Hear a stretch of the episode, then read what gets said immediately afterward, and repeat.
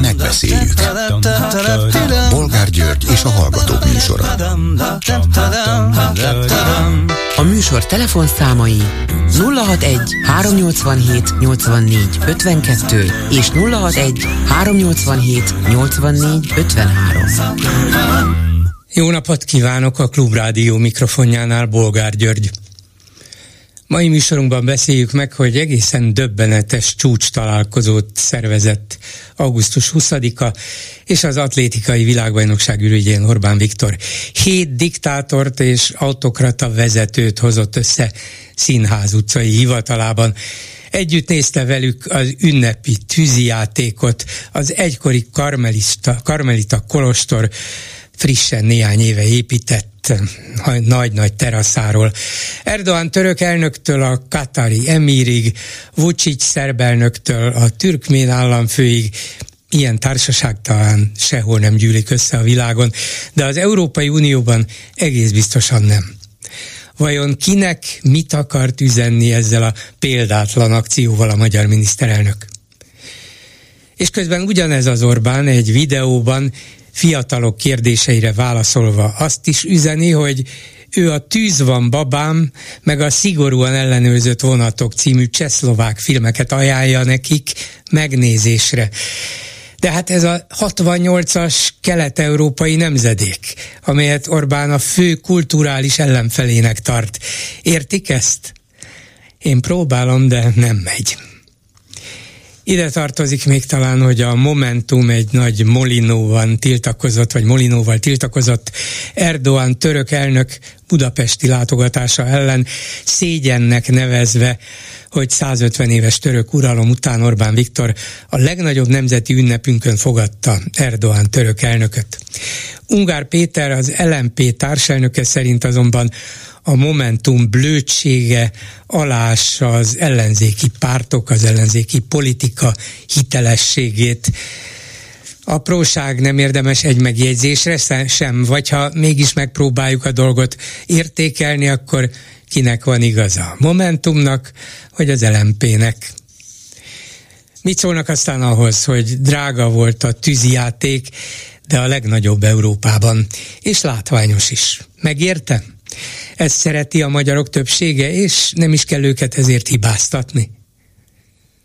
Mi a véleményük továbbá arról, hogy Karikó Katalin, a Vívó Szilágyi Áron és Böjte Csaba kapta tegnap a legmagasabb állami kitüntetéseket. Jól ki van ezt találva, és ki is van egyensúlyozva? Mit gondolnak ezen kívül? arról, hogy sikeresen indult az atlétikai világbajnokság. A stadion szép és jól működik, a rendezés gördülékeny. Megy ez nekünk? Irány az olimpia? És végül beszéljük meg, hogy a Demokratikus Koalíció visszautasította a Fideszes Transit Fesztivál meghívását több vitára, amelyet a kormány miniszterei folytattak volna a DK árnyék minisztereivel. Nem veszünk részt fideszes pártrendezvényeken, közölte a DK. Jól teszik? Telefonszámaink még egyszer 387 84 52 és 387 84 53. Háló, jó napot kívánok! Háló, jó napot kívánok! Parancsoljon, Bogár hallgatom! Köszönöm szépen. Lutring Magdolna vagyok meg, tanár. Már, már, már csak nyugér vagyok, mert én már csak 14 éves vagyok, tehát uh, 6 meg 8, csak nem mondom ki. Isten éltesse soká. Nemrég volt a szülinapja, és elfelejtettem önnek írni e-mailt, pedig akartam. Jaj, nagyon Na, kedves. Köszönöm Igen, szépen, bár tudja, ebben, a, műsorát, ebben a korban már nem számoljuk az éveket. Kis én letettem a az Facebookról a születési időmet, mert egyszer egy állat, egy férfi azt küldte nekem, hogy kedves Meggi, szeretettel köszöntelek 62. születésen alkalmában. Azt gondoltam, hogy D föl. Na, úgy azóta nincsen, de azért meg tudom mondani, szóval úgyse nézek ki, annyira 50 valamelyek nézek ki. Tehát én már nyugger vagyok, nem tudom a pontosat, hogy most mi megy. Utoljára három éve voltam, vagy négy éve iskolában egy évig, de elmenekültem, megmondom őszintén, mert alaksorban adtak nekem egy helyet. Decemberben taka, takarított először a takarítónő nálam. Azt mondta a munkaközösséghez, hogy én takarítsak, Hmm, Na, mindegy. És ez volt három-négy éve? Ez körülbelül négy, nem tudom már. Egy nagyon jó suliban voltam egyébként, sok cigánygyerek volt, nagyon szerettem őket, ők is engem, mindenki egy-két ilyet javított, mert én nem úgy korepetáltam, hogy 45 perc, hanem egy óra, meg másfél, meg kivittem őket a legelőre, a Népligetbe, hétvégén, hogy tanuljunk, mert semmit nem tudtak, valaki októberben elmenekült onnan, és egy volt kolléganőm ajánlott be, ugyanis nekem két diplomám van Vesztemre, nem egy nagy vasszizdasz, orosz-angol főiskola, angol egyetem, és ezért nem vettek föl 40 éves, 45 éves korom után, és a szemét soros adott nekem két ösztöndíjat, és a szemét soros tejben, bajban füröztött mint, mint tanárnak elsőként, az 12 és félszeres volt, utána, mint önkormányzati képviselő volt, akkor kiléptem a Fideszből 93. november 4-én, és 56. november 4-én jöttek a tankok, ugye tudjuk. és nyalják a següket. Tehát én ezt már elmondtam többször, csak azért nem szoktam telefonálni, mert valaki betelefonált, hogy sokat beszélek, na most anyám lánya vagyok, ő kétszer ennyit beszél. Szóval ez még egy... Van ez még fejlődés. E, és sajnos, sajnos így, a nagymamám tanítónő volt, nem volt beszédes érdekes módon, egy tünemény volt, de anyukám vendéglátós volt, és ő egyfolytában beszélt, mert a, mindig szórakoztatta a vevő a, a vendégeket. Tetszik tudni. Na, és akkor azt szeretném mondani, hogy tulajdonképpen miből áll egy tanárnak az éve. Tehát ez nem mostani, hanem miten pár év, de szerintem ugyanígy van. Mondjuk 15-e június befejeződik a tanév, utána 50 ezer értekezlet van, osztályozó értekezlet, munkaközösségi értekezleten megbeszéljük, hogy mit csináltunk, hogy csináltuk, mit értünk el, ki nyert, ki nem nyert, már mind gyerek, mindenféle vetélkedő, meg országos versenyen, meg kutyafülén. Utána osztályozó konferencia, és ez körülbelül olyan simán két hét. Jó? Amikor kikerülünk az iskolába, az legalább július eleje. Utána van egy szünet, de általánosban, amikor tanítottam, kezdőként ott tanítottam, akkor még nem volt egyetemi végzettségem, de hát Amerikában tanultam, úgyhogy nagyon jól tudok angolul, már, már mint kiskoromban kivitettek, mert volt egy szerzetes rokonom, a Bandi bácsi, Hites Kristóf, és ő meg bevitt az apácákhoz, akik nagyon boldogok voltak, mert jó képű volt, tehát három szakja volt, filozófia, történelem, hittan, szóval egy zseni volt, a, meg iskolát alapított, meg, meg is van Woodside Priory School, úgy hívják, Kaliforniában.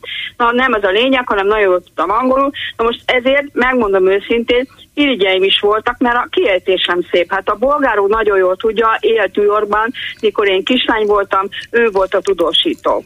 Igen. Ja, még azt akartam mondani, hogy azért van ám ismétlés éjfélkor, mert én betelefonáltam, hogy nem tudom mindig meghallgatni, és ez a kedvenc műsorom, és akkor nem volt archívum, és azóta ismétlik. Ja, Na, biztos, és, igen. ilyen egyszerű ez, ok és okozat. De most igen, már igen. lehet ha Jó, szóval júliustól akkor, kezdve akkor van egy kis igen, szabad ideje a tanárok. előtt, körülbelül két héttel már be kell az iskolába rendezni kell a fiókunkat, a nem tudom mit, előkészülni, takarítjuk a saját szobánkat, mert ugye nem takarítják ki, akkor úgy kezdtek el takarítani nekem ebben az iskolában ö, december közepén, hogy összeismerkedtem a portással, aki cigányember volt, és cigánylányok voltak a takarítónénik, és akkor így beméltóztattak hozzám. És mert ugye az ugye lent volt, ott nem veszték észre. Na most a, az évközi készülés. Én rend, nagyon-nagyon készülős vagyok. A keresztanyám Juci néninek a a férje iskolaigazgató volt, és azt mondja nekem a keresztke, hogy miért készülsz te annyit, már nem tudom hány évet tanít. Azt mondom, azért, hogy ne unatkozzam. Na, az volt, szétvágtam, szétvágtam, de magamat szórakoztattam.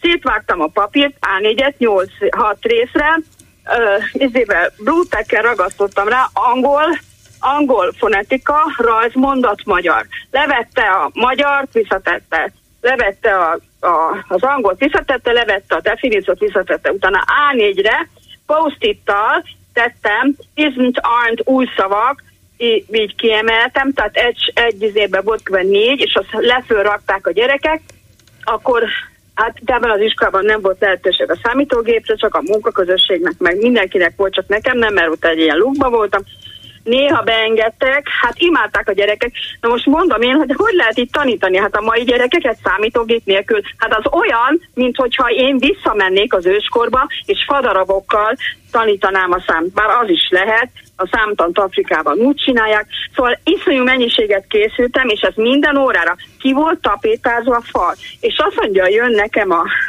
az egyik valaki, nem mondom meg, hogy kilátogat, azt mondja, ez minden órán így van.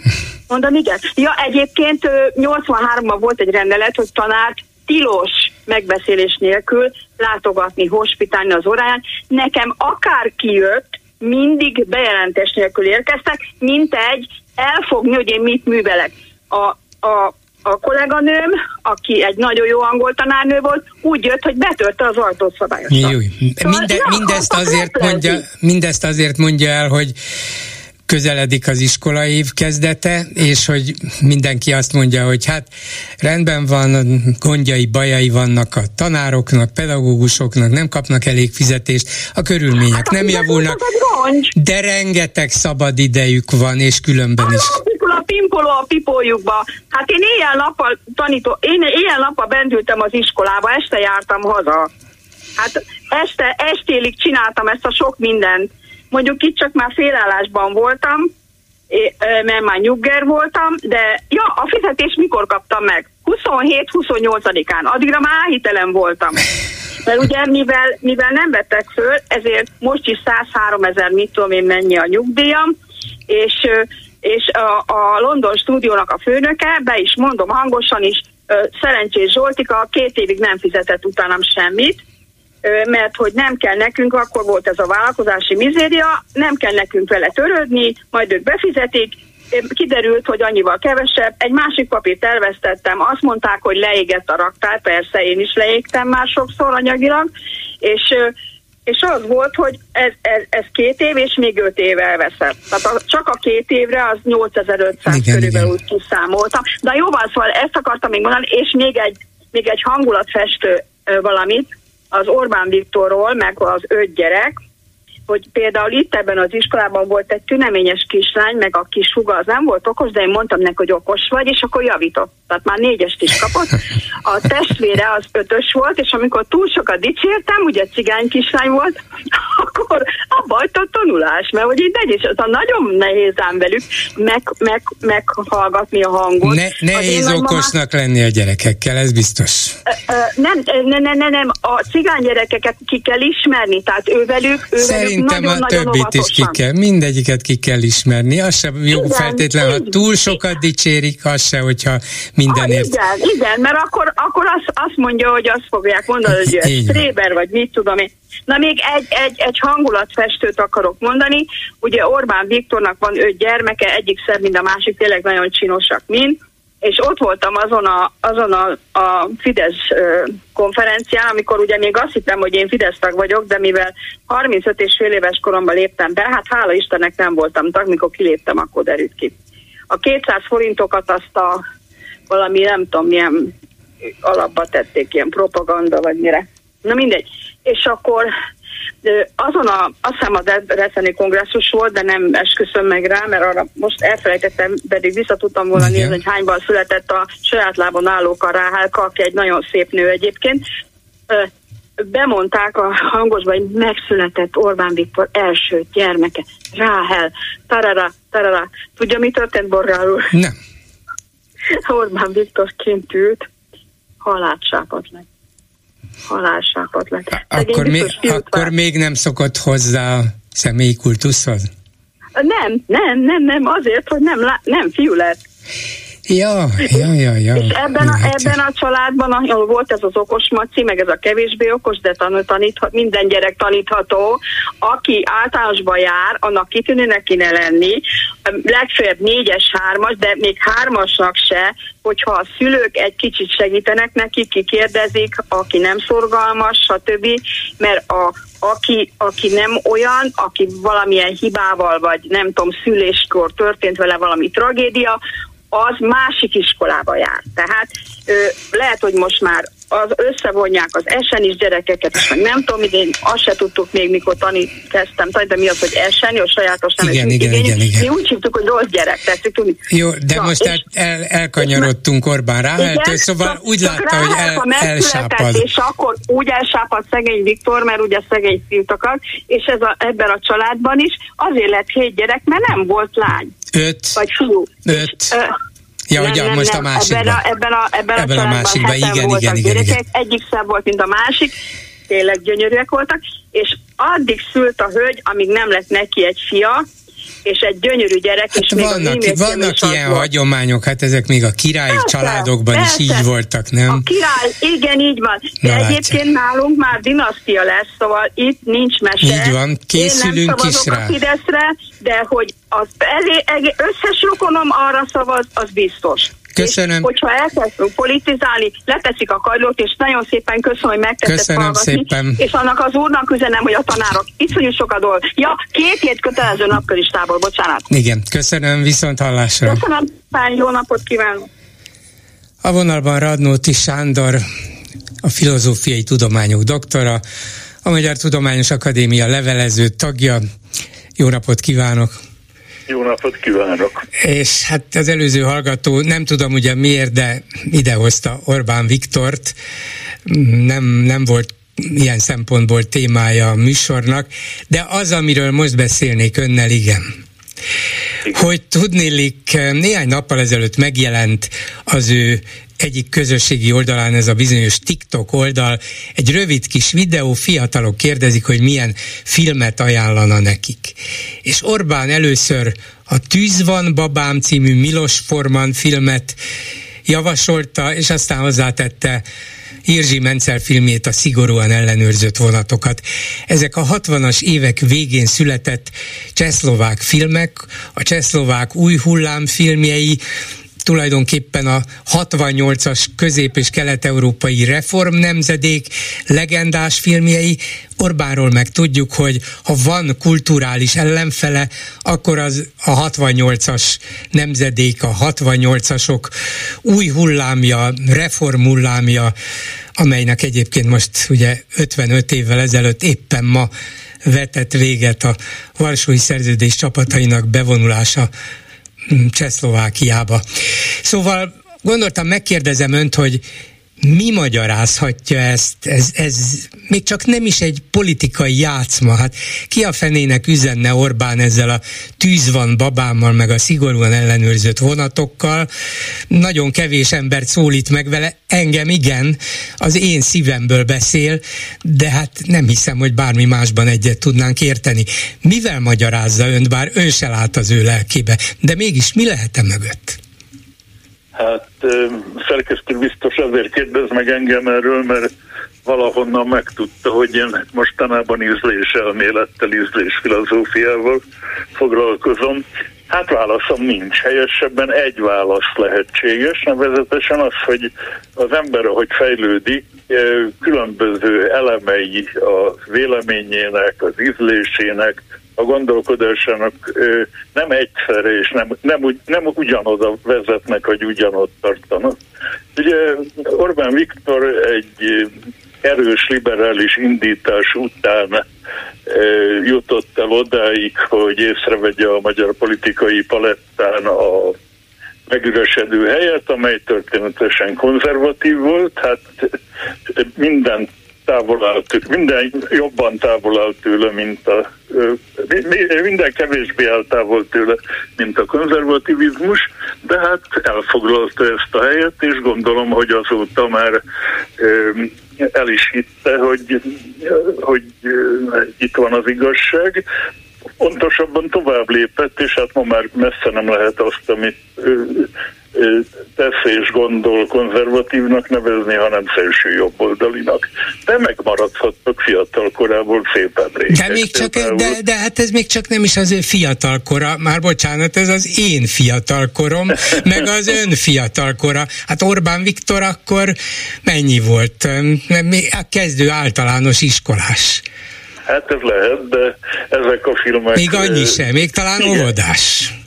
Lehet, igen. De ezek a filmek hosszú hatásúak voltak, és a következő nemzedékekre is, is hatottak. Valóban ezek voltak azok a tükrei a, a, a szocialista országoknak, amelyek a leginkább lelkesítették az embereket, mert nem patetikus drámát csináltak a kinyainkból, hanem hihetetlen erővel kinevettették ezeket, és ez,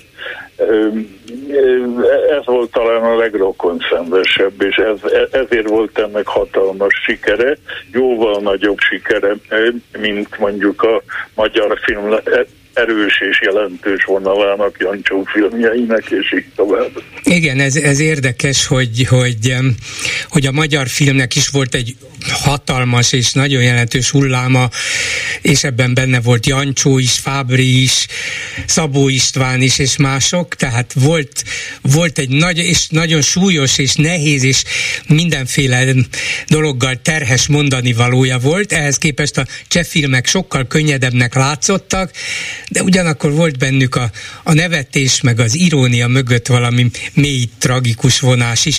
De engem az érdekel, hogy hogy lehet, hogy egy 63-ban született, tehát 68-ban még csak 5 éves Orbán Viktornak ezek megmaradtak a fejében annyira, hogy ezt még egy mai fiatalnak is ajánlja. Hát lehet az, hogy, hogy a 80-as évek elején, közepén, amikor ő belépett abba a korba nyilván, hogy elkezdjen ilyen filmeket nézni, ez még mindig jelentett valamit, ennek még mindig volt valami üzenete, jelentéstartalma, hogy meg lehetett vele fogni fiatal magyar értelmiségieket? Ez egész biztos, hogy így van, és hát voltak neki idősebb barátai, akik ezeket a filmeket ajánlhatták neki, és egészen a rendszerváltásig ezek a filmek, ezek a film, ezekből a filmekből ráismertünk a világunkra, úgyhogy egy ilyen élményt miért ne feltételezhetnénk róla is becsületes fiatal korából. Igen, hát még az a jó, hogy nem tagadta meg legalább saját magát, de hogy mennyire nem tagadta meg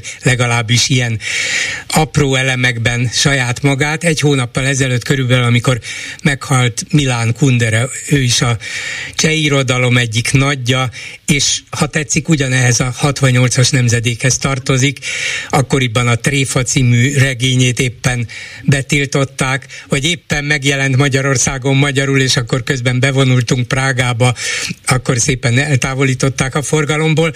Szóval Kundera nekem nagyon sokat mondott, akkor is a 70-es években, de nem gondoltam volna, hogy Orbán Viktor a Facebook oldalán elbúcsúzik tőle, hogy Isten nyugosztalja Milán Kunderát, elment egy őrző, a közép-európai szellem őrzője. Nem, igen. Ez, ez is meghökkentett. Képzelj el szerkesztő, hogy egy hasonló kaliberű, vagy hasonló mondandójú jelentős magyar írótól kellene elbúcsúznia.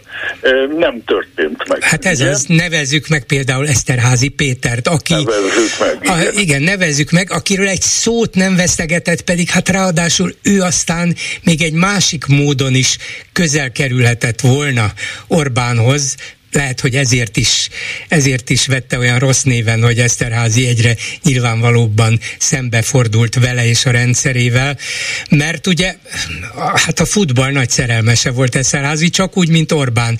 Semmi művészet. Az év futballregénye volt talán több európai országban. Igen, ugye? Igen, És hát ehhez képest Orbánnak magasztalnia kellett volna Eszterházit, és síratnia. Ez így van, de azért emlékeztetem, hogy a köcseibe, az a bizonyos nevezetes köcsei beszéd még a hatalom átvétele előtt, ott az írókról is szó esett, Eszterháziról is többek között, hogy névvel említette, de hát evidensen róla és néhány társáról volt szó, akik politikailag elbuktak, mondta. Lehet, hogy mint írók nem buktak el, de mint politikusok vagy politikai tényezők elbuktak. Ugye? Na most ezt, mivel Kundera Párizsban élt és nem, nem Budapesten, ezért ezeket a kérdéseket nagyon kényelmesen és könnyen át lehet hidalni az ő esetében.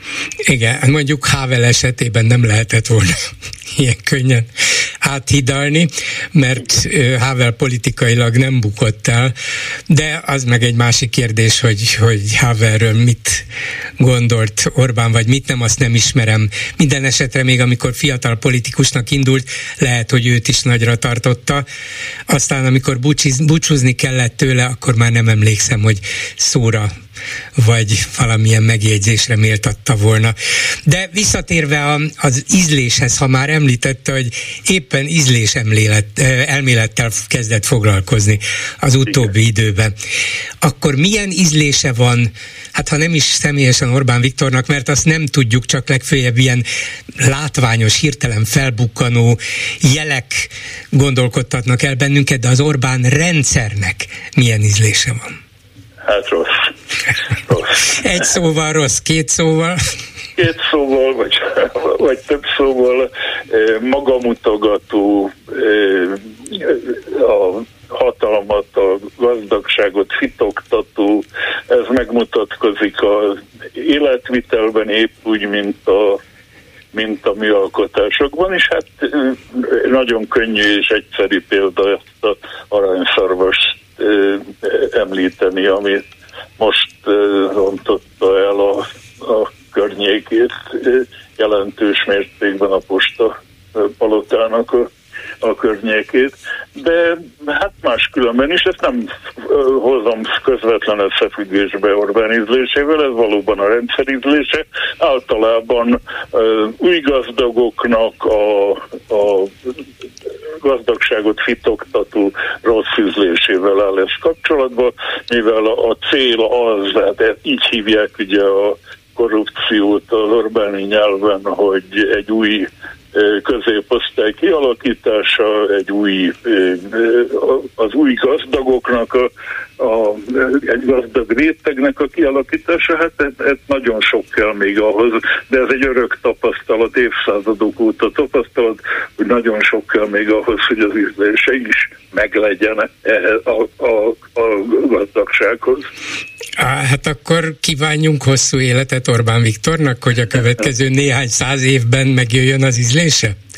Hát nem, nem, most nem róla beszéltem. Értettem, persze. Ízlését nem ismerem, itt a, a NER lovagok ízléséről beszéltem, igen, igen. Ami, a, amiről lehet levonni tapasztalatokat, vagy ismerősek ezek a tapasztalatok, állandóan beleütközünk, hiszen a legtöbbje valóban fitoktatja a gazdagságát és a kivagyiságát és a a mindent megengedhetős, az, hogy mindent megengedhet magának, de ez nem vonatkozik a miniszterelnökre, akinek lehet egy személyes ízlés, amiről most fellebbent egy apró kérdésben a, a függöny, de hát fogalmam sincs, hogy miket, miket olvas, mit, milyen költőkkel foglalkozik, és így tovább. Igen, nekem sincs, és nem is vonnék le ebből komolyabb következtetéseket, csak megütött ez a dolog, ha tetszik, szíven ütött, mert hogy meri a legkedvesebb filmjeimet ő is ajánlani, és ugyanakkor meg valami kis apró reményt is, bár tudom, hogy ez hiú és naív, és de ha Orbán Viktornak Milos Forman, meg Jirzsi Mencel, meg Milán Kundera tetszik, és emlékezik rájuk, és évtizedek múltán is emlékezik, akkor lehet, hogy még működik benne valami, ami a józanság, a humánum, a kritikai szellem, a humor, és, és nem pedig a, a diktatúra irányába viszi. Hát én azt hiszem, hogy, hogy ezzel nagyon felértékeli a művészetet. Noha én egész életemben művészettel foglalkoztam, de de ilyen, ilyen összefüggés nincsen, lehet valakinek remek ízlése, és közben egy gazfickó, úgyhogy ilyen, ilyen összefüggést nem látok, ebben, ebben nevessük a reményünket. Hát attól tartottam, hogy ezt fogja mondani, de köszönöm szépen Radnóti Sándornak, minden jót, viszont hallásra. Köszönöm, viszont hallásra. Háló, jó napot kívánok! Jó napot kívánok, Ferenci Györgyből, üdvözlöm bolgár úr. Parancsoljon. Az ízlések és pofonok témához szeretnék hozzászólni. Igen. Ö, az, ö, hétvégén néztem Kéri Lászlónak a, a, a magyar hangon a, a műsorát, és teljes készséggel el tudom fogadni, hogy Orbán Viktor nagyon jó átlátja a folyamatokat, jó stratéga, de ennek ellenére azt én úgy érzem, most az évek ö, évek alatti meg, kulturális megnyilvánulása alapján, hogy méretetlenül műveletlen. Vagy, vagy ha nem is műveletlen, de egy, egy, egy, egy, egy ö, elég nagy kagyfasz van az művészetileg. Hát uh, igen. Én, én, én, tehát első dolog az, hogy ö, azokhoz, a, azokhoz az írókhoz, akiket ö, a jobb oldalhoz, jobb oldalhoz sorolnak, azokat hirtelen, méretetlen módon elkezdi mondjuk hogy fölhájpolni. Például annak idén Márait, Márait hogy igen, jó, mi írunk. Aztán utána meghalt Cseh Tamás például. És akkor őt is szintén bekeverezték. A közös ezekben a dolgokban, hogy ezeket, az, ezeket a gondolatait, ezeket utána úgy elfelejti, kvázi egy, egyfajta mint, mint mit tudom én, a polgárszót, vagy a... Igen, igen. Ez, ezek, politi- ezek politikai üzenetek, ugye Márai a igen. polgáríró, hát ha a Fidesz a polgári világ megteremtője akar lenni, a Fidesz a magyar polgári párt, akkor kell nekünk egy ismert név, egy Márai, akit tisztelni lehet, szeretni lehet, akár olvasták, akár nem, azért még az is tudja, aki nem olvasott tőle, se, tőle soha semmit, hogy hát Márai Sándor ő azért valaki, és akkor zászlónkra már Márait, ha kell, akkor Cseh Tamást, mert neki is volt valami legendája, és így tovább, Igen. de ezek mind politikai politikai üzenetek, ez egyértelmű. Egyértelmű. És a másik pedig az, hogy, és hogy, hogy, hogy, hogy miből gondolom azt, hogy, hogy, hogy hát mondjuk úgy, hogy bár Mészáros Tamás úrtól annak idén hallottuk, hogy íz és, és hitről nem lehet vitatkozni, de akkor, amikor ö, például ö, szintén a piedesztára emlé Mándoki Lászlót egyfajta hősként, aki annak idén Annak idején a Genghis Khan együttesben játszott, tény és való egy igényes diszkózenét, akkor azért azért elgondolkodik az ember, hogy, hogy tehát most kétségkívül jó zenét, meg nem, ez nem vitatja az ember, csak azt, hogy, hogy, hogy, hogy például ilyen, ilyen embereket piedesztára ott való, és másik pedig az, hogy, hogy például 70 évesen elkezdő ölegetni Nagyferót. De azt is leteszem a garast, hogy mondjuk 1982-ben egy Beatrice koncerten nem volt ott, mert, mert tudom, hogy a, a kortársai, vagy azok, akik legalábbis ezeket a zenéket szerették, azok a mai napig ott vannak a, uh-huh. ezeken a zenek. De nyilván nem, nem, nyilván nem Beatrice koncerten, mert szerintem már ö, szerintem az vállalhatatlan lett már a, az egy haladó embernek, de, de, de ennek én tényleg úgy gondolom, hogy, hogy tényleg kacsva van a felé. Hát, vagy tényleg annak alapján válogatja azt, amit, amit megemlít, vagy amiből politikai üzenetet akar formálni, hogy éppen mit talál hasznosnak. Ezért ragadtam ki most ezt a példát erről a két csehszlovák filmről, mert, mert ebből nem lehet politikai üzenetet csinálni. Ez, ez nem olyan, amit föl lehet használni valamilyen fideszes célra, ez valahogy úgy kijött belőle, és nincs közvetlen politikai haszon belőle. Ez lepett meg, hogy lehet, hogy az ő tudása vagy ízlése mélyén mégis valami kiváló dolog, vagy dolgok is vannak, mint például ezek csak a cseh filmek. Csak azt muszáj eltitkolni, mert, mert, mert ez nem kompatibilis a jelenlegi ö, ö, rezsimnek a, a szemléletével. Tehát ö, pont a a tűzon babámra, meg a, hát nyilván láttam mindenki. Hát, hát, hát vagy nagyon sokan látták. Vagy, vagy az, az ikonikus mondat a tűzon babából, aki nem vett sorsegyet, aki vett sorsegyet, nem lopott, az vegye úgy, hogy nem nyert. Ez a mai magyar valóságra teljesen igaz. Igen, szóval ha, ha Orbán Viktor most leül és megnézi például a tűzvan babámat, akkor, akkor éppen gondolkodhatna a 2023-as év Magyarországáról is, de ez, ezért is volt számomra meglepő, hogy legalább néhány percnyi gondolkodást vagy beszélgetést megér, hogy hogy a fenébe jött ez neki elő. Ugye? És hát tény, tényleg óvodás volt még.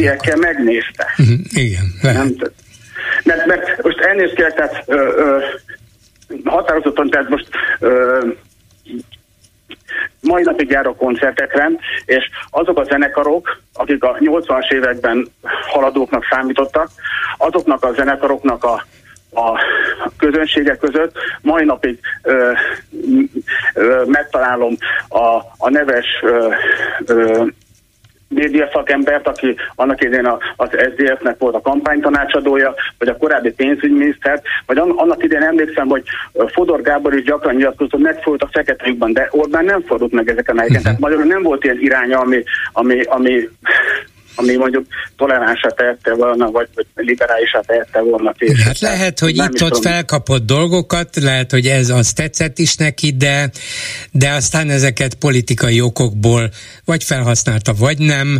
Lehet, hogy egyik másik mélyebb nyomot is hagyott benne, ezt meg nem tudom.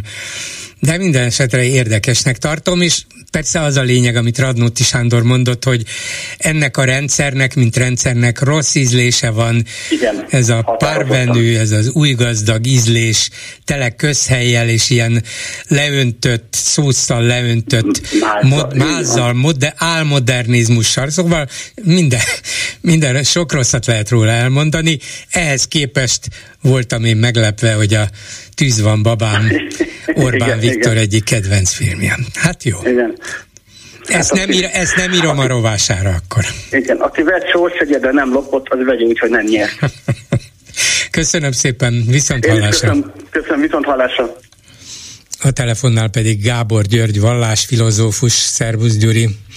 Szervusz Gyuri, köszöntöm a hallgatókat. Úgyis, mint a Klubrádió rendszeres szerzője, publicistája, de ezt a írásodat, amire most hivatkozni fogok, a népszavában tetted közé, a népszava szép szó mellékletében, és hát előre írtad, mert ez végül is szombaton jelent meg, akkor még nem volt itt nálunk Recep Tayyip Erdogan Törökország elnöke, csak tudni lehetett, hogy jön 20-án, és te úgy gondoltad, hogy hát ez nem, nem valami ízléses találkozó éppen ezen a napon, de talán még te se tudtad akkor, amikor megírtad ezt a cikket, hogy nem csak a török elnök jön, Igaz, hogy neki volt, vagy lehetett volna elvileg és történelme meg a legtöbb köze Magyarországhoz, még ha nem is jó értelemben, hanem lesz itt egy sor másik diktátor is, és együtt fognak örülni, hogy látják szép Budapestet az augusztus 20-ai tűzijáték alkalmából a Színház utcai miniszterelnöki iroda tágas teraszáról. Szóval egészen furcsa esemény zajlott itt le az, ezen a hétvégén, atlétikai VB meg Szent István nap alkalmából. Neked, amikor írtad a cikket, mi volt a bajod vele? Szóval azzal kezdeném, hogy ez a történet, ez a tegnapi uh, történet, aminek a részleteit te is az imént említetted, hát ez részben hogy ezt manapság egyre gyakrabban mondjuk egy olyan abszurd francia drámába, drámába illeszkedhetett volna bele, ami után az ember azt mondja, hogy Eugène Ionescu, ugye a francia abszurd drámaíró, vagy akár a mi Örkény Istvánunk sem értett igazából az abszurd íráshoz. De van ennél egy sokkal nagyobb baj jelesül az, hogy ez a történet úgy, ahogy van, a, a, a politikai hatalom saját elveinek, értékrendjének a, a két lábbal tiprása, kigúnyolása, és 10 millió ö, magyar embernek lélekben 14 milliónak a teljes hülyére vétele, seggi bevétele. Szóval arról van szó, hogy ugye ez az ünnepnap mégiscsak augusztus 20-a nemzeti ünnep, Szent István ünnepe, ugye aki a, aki a, a keresztény európai családba bevezette annak idején Magyarországot. Na most ehhez képest Magyarország, amelyről a nap 20 öt órájában azt halljuk, ugye, hogy a nemzeti keresztény állam, amely a kereszténység utolsó bástyája Európában, amely a világ legnagyobb keresztényvédő országa. No, ez az ország erre, tehát amikor a saját kereszténységünk felvételét ünnepeljük, meghívja az összes létező, vagy azoknak egy jelentős részét, ugye különböző muszlim áll, országok államfőinek, olyan országokról van szó, ahol, ahol a, a, a, a, az iszlám hagyomány, mit tudom én, mondjuk például Törökországban 99,8%-ban van jelen, és így tovább, és így tovább.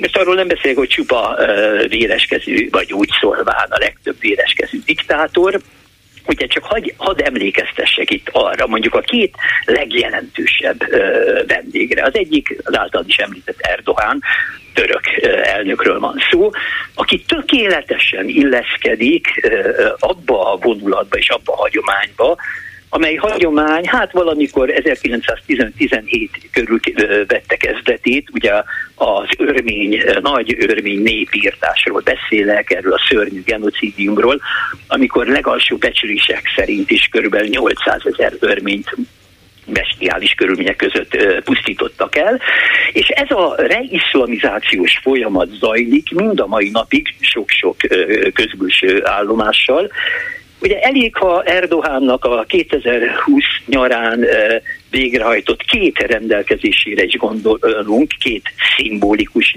rendelkezésére, és tudjuk, hogy a politikában a szimbólumnak olykor nagyobb a szerepe, mint magának a politikai praxisnak, de az első volt az, amikor az 537-ben felépült csodálatos bizánci ortodox katedrális 2020 nyarán mecsetté, ugye a Hája Szófiáról beszélek, mecsetté nyilvánította, majd nem sokkal később, ugyanezen év augusztus 20-án, szép dátum, augusztus 20-a lehet, hogy ezt ünnepelte itt, Erdogan rendeletére ugyancsak egy nagyon, egy ugyancsak csodálatos negyedik századi alapokon nyugvó 11-12. századi csodálatos freskókat tartalmazó templomot, a Szent Megváltó templomát alakítatta át mecsetté, úgy, hogy mind a kettő előtte nagyon helyesen muzeális szerepet töltött be.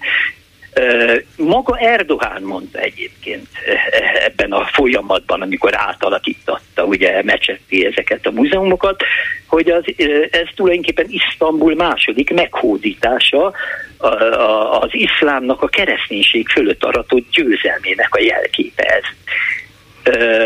És uh, ugye arról az Erdogánról beszélek, akinek az idején rengeteg, nagyon sok ortodox templomot romboltak le, alakítottak át, ezzi, azzá templomokat, keresztény templomokat gyújtottak fel. De arról az Erdogánról beszélek, akinek az idején, most, a jelenünkben a protestáns egyházak nem a protestáns egyházakat nem ismerik el vallási gyülekezetként, szemináriumokat, szemináriumi oktatásokat nem tarthatnak, bank, bankszámlát nem nyithatnak, ingatlanhoz sem vásárlás útján, sem örök, örök, örökösödés útján nem juthatnak, és kimondott diszkrimináció övezi az állami szférában elhelyezkedő keresztényeket, hát alig vannak mondjuk a bíróságon keresztények, mondjuk az egyetemi katedrához nem juthatnak, vagy éppen a, a, a tisztikarban. És még hagyd tegyem hozzá, hogy ennek az Erdohánnak a lánya három hónappal ezelőtt, 2023. május 14-én egy nagyon sokat mondott Twitter bejegyzést tett közé, hozzáteszem, nem török, hanem arab nyelven, micsoda véletlen, amely arról szólt, hogy az iszlám félhold hamarosan megtöri a nyugati keresztet. Szóval ez az, ez az Erdoğan volt itt. A... Szóval ha, e, ha ezt végighallgatja az ember, akkor ez olyan, mint hogyha Orbán Viktor jár, rájött volna, hogy hát a nyugat, ahogy én mindig is mondtam, hanyatlik, a nyugati kereszténység megadta magát, hát akkor legjobb, ha én leszek az iszlám szállás csinálója. Hát tényleg nem lehet erre más mondani, nekem sem jut eszembe más, ráadásul ugye a, a nemrég kiadott globális üldözési index szerint Törökország igen elegáns helyet foglal el 41. ezen a listán, csak jelzem, hogy olyan Keresztényeket üldözők listáján Törökország a 41. Különböző, így van, ő, így van. Itt ugye Észak-Korea, Szomália és Jemen nem meglepő uh-huh. módon foglalja el az első, a dobogó három legfelsőbb fokát. De ugyanerre a Törökországra nagyon jellemző az, és ebben a tekintetben abszolút, ha nem is, de hogy mondjam, testvéri barátság köti őt Orbánhoz, hogy ahogy Orbán Viktornak is rendre megvannak azok a, azok, a, meg, a, ugye a saját e, politikai ellenségképének megvannak az állandó szereplői, ez hol a dollár baloldal, hol a migránsok, hol a sorosisták, hol a brüsszelit, a bürokraták, és így tovább, és így tovább. E, Erdogánnak ugyanúgy megvannak ezek a, ez az ellenség képe, ugyanúgy létezik, ezek hol a laikus tisztekből kerülnek ki, hol a gülenistákból, hol pedig a keresztényekből. Tehát pont azokból a keresztényekből, akiket viszont mi, legalábbis az Orbán báni retorika szerint folyamatosan megvédünk. Uh-huh. De ebből látszik, hogy hát ez is csak egy politikai termék, az ellenséggyártás. Hát Orbán Viktor keresztény ember, és mégis az én testvérem, mondhatja Erdoğan otthon, mint ahogy Orbán is elmondhatja, hogy hát semmi bajom a muszlimokkal, nagyon tisztelem őket. Erdoğan például, a török elnök az én testvérem, így is szólította őt nem egyszer. Úgyhogy lehet, hogy egyszerűen csak reál politikusokról van szó, és az ember el is tudja fogadni, hogy Törökország fontos, ország adott esetben gazdaságilag, politikailag, stratégiailag, ki tudja milyen okból lehet is Magyarország hasznára, a kérdés talán az, hogy hogy juthatott el odáig Orbán, hogy kihasználja nyilván az atlétikai világbajnokság adta alkalmat, meg a Szent István napot, a legnagyobb magyar nemzeti ünnepet, az államalapítás ünnepét arra, hogy összehozza ezeket az iszlám vezetőket és egyben autokratákat vagy diktátorokat. Az ember azt gondolná, hogy jó, a reálpolitika egy dolog, az bizonyos fokig el lehet fogadni, meg lehet érteni, adott esetben még helyeselni is lehet, akár csendben, akár mm, elemezve, de másfelől egy ilyen szimbolikus üzenettel, hogy na neztek, itt vannak ezek, még talán a saját köreiben is rosszalást vagy fejcsóválást vált ki. Hát azért mégis Szent István napjára idehozni ezeket az iszlám vezetőket, iszlám állam vezetőket? Ezt nem értem, ezt a részét találom furcsának. Szóval hadd mondjak még két dolgot, pontosan azzal kapcsolatosan, amit az imént felvetettél. Valóban, senki nem mondja kétségben, reálpolitika létezik a világban, és nagyon helyes, hogy van ilyen. De milyen reálpolitika teszi értelmezhetővé és megmagyarázhatóvá például azt, hogy akkor egy másik fontos vendégére hivatkozzam. Annak az Alievnek a meghívását, akihez egyébként régi baltás kapcsolat, meghív baltás kapcsolat köti a magyar miniszterelnököt. Szóval az az Aliev, akivel manapság tele van a világ sajtó, sajnos Orbán Viktor környezeti ben igazán olvashatnának világnyelveken, és akkor tudnák, tudnák tám ők is, hogy miről van szó.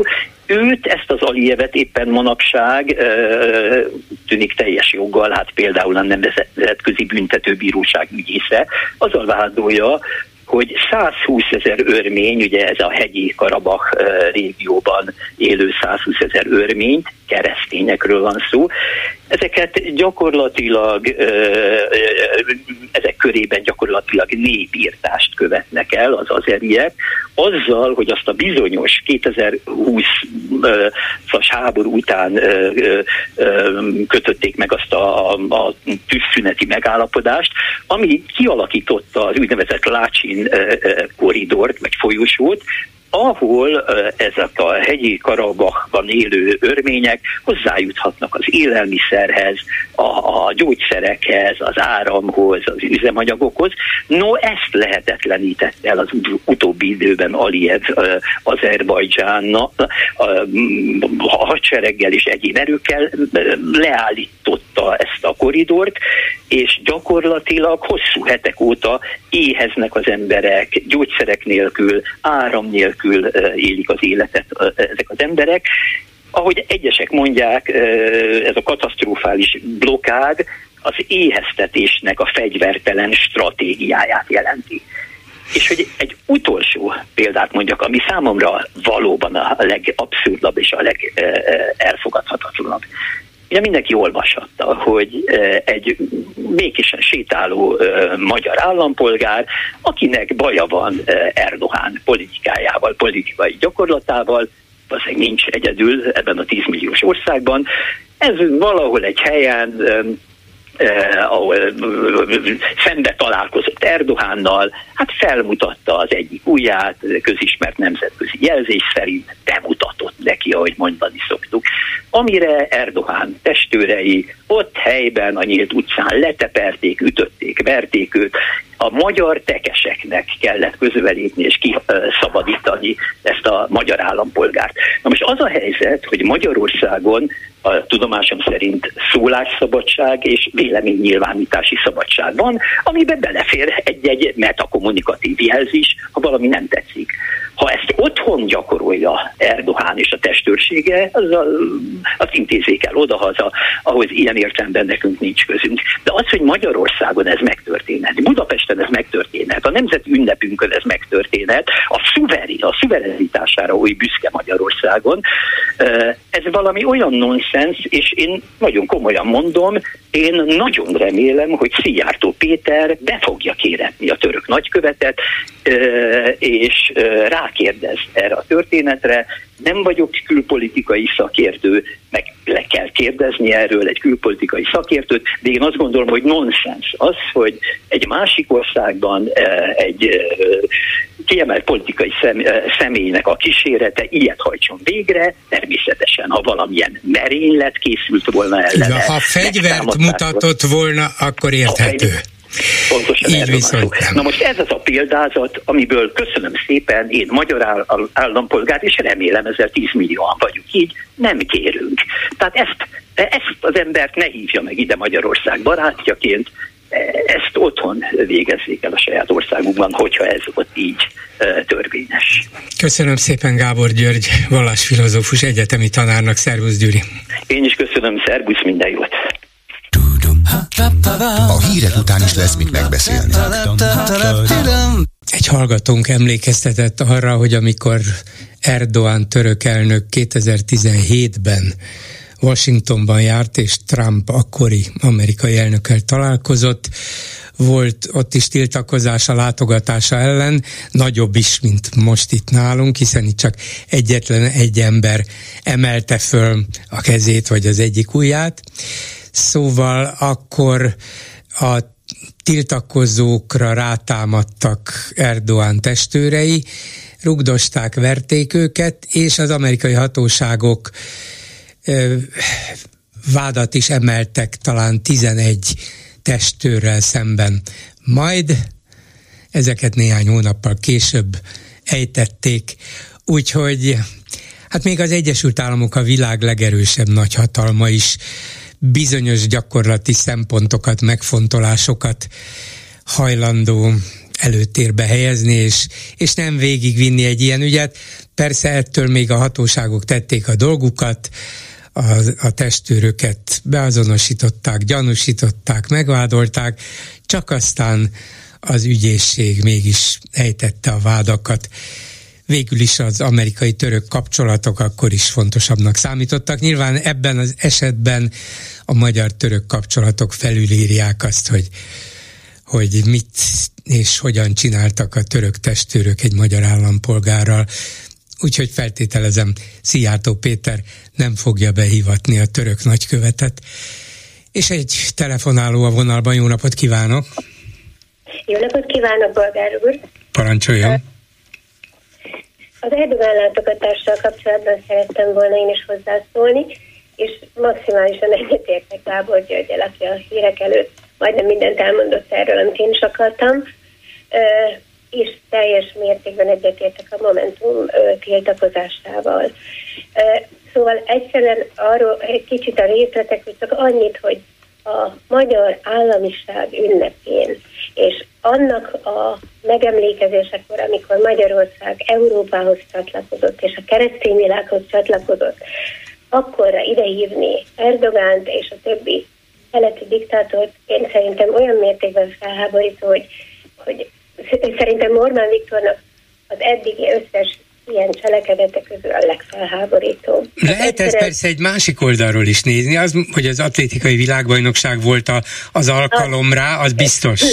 Ugye meg akarta mutatni, hogy látjátok, micsoda stadionunk van, hogy tudunk mi egy ilyen nagy világversenyt megrendezni, de a másik, hogy ez hát sajnos egybeesett augusztus 20-ával, és akkor Orbán akár úgy is gondolhatta, ezt most nem a védelmében mondom, csak lehet akár így is nézni, hogy hát itt van ez a sok iszlám vezető, megmutatom nekik, hogy mi itt a keresztény Magyarországon mégis meg vagyunk, kisország vagyunk, nem vagyunk olyan erősek, nincs annyi olajunk, mint mondjuk Katárnak, és nincs olyan nagy hadseregünk, mint Törökországnak, és így tovább, és így.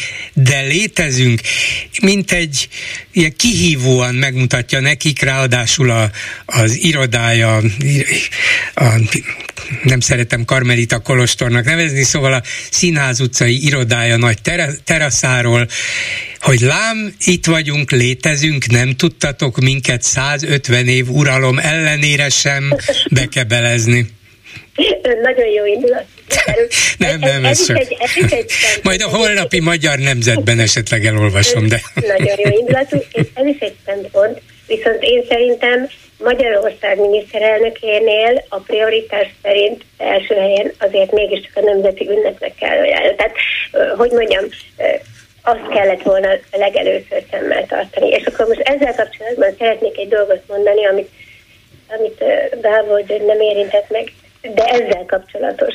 Tehát egy olyan alkalmat felasztott el Orbán Viktor most ismét, mindig el szokta felasztani a jó alkalmakat, hogy kibékülhessen Európával. Tehát most erre az ünnepségre nem Erdogánt és társait kellett volna meghívnia, hanem az Európai Unió vezetőit és azzal indokolván, hogy nekünk augusztus 20-a annak is az ünnepe, hogy Európához csatlakoztunk. Vagy például mostanra kellett volna meghívni a pápát. Most eh, tudom, hogy a, a pápa nem ugráltatható tetszés szerint, de az lett volna ideális dolog. Európa vezetői, és a pápa. Mert hát vagy, vagy legalábbis, igen, vagy legalábbis azt mondani, hogy jó, hát tegyük föl, hogy Erdoğan, aki nagyon fontos, ráadásul a NATO tagja, jöjjön, most a 150 éves uralom az nem számít, hát rég volt, ettől még nagyszerű barátok is lehetünk.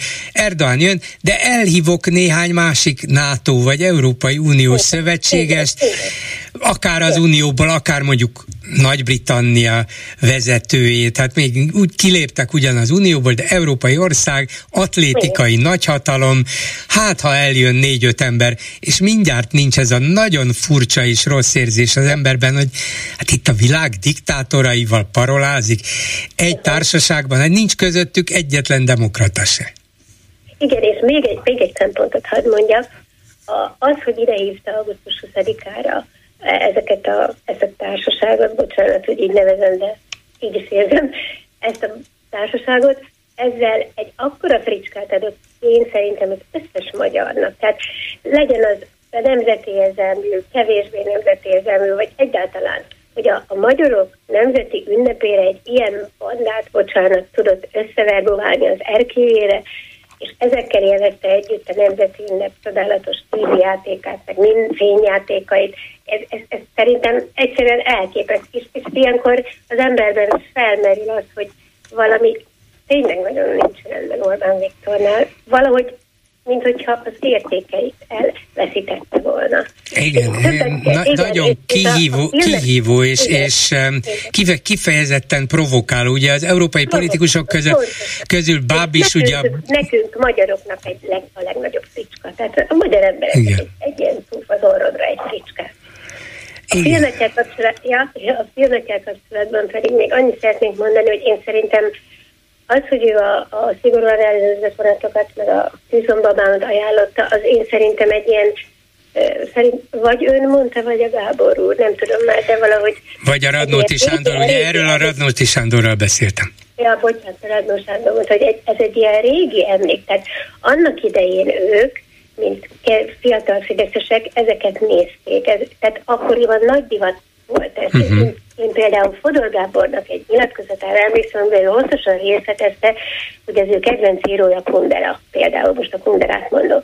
Tehát ők akkor, az a társaság, az a Bíbó kollégium, akkor ezeket a filmeket, és valahogy ez Orbánnál én szerintem így visszaütött most. Aha, lehet. Film, ja, akkor én úgy emlékszem, hogy... Igen, lehet, hogy azóta nem is jár moziba, mert annyira el van foglalva a politikával. Igen, igen. véletlen valami uh-huh. a régmúltból, amikor még jártam, akkor ezeket szerettem, hát akkor nézzétek ti is. Igen, lehet, hogy, lehet, hogy ilyen egyszerű, lehet, hogy ilyen egyszerű megtalálni. Ilyen egyszerű. Az, az, igen. hogy ennyire egyszerű. Én szerintem ennyire. Igen, ennyire. lehet, hogy megtalálta a megoldást. Hát jó, akkor legalább volt egy olyan időszak, amikor ugyanazt szerettük, ez is valami. Igen, igen, igen.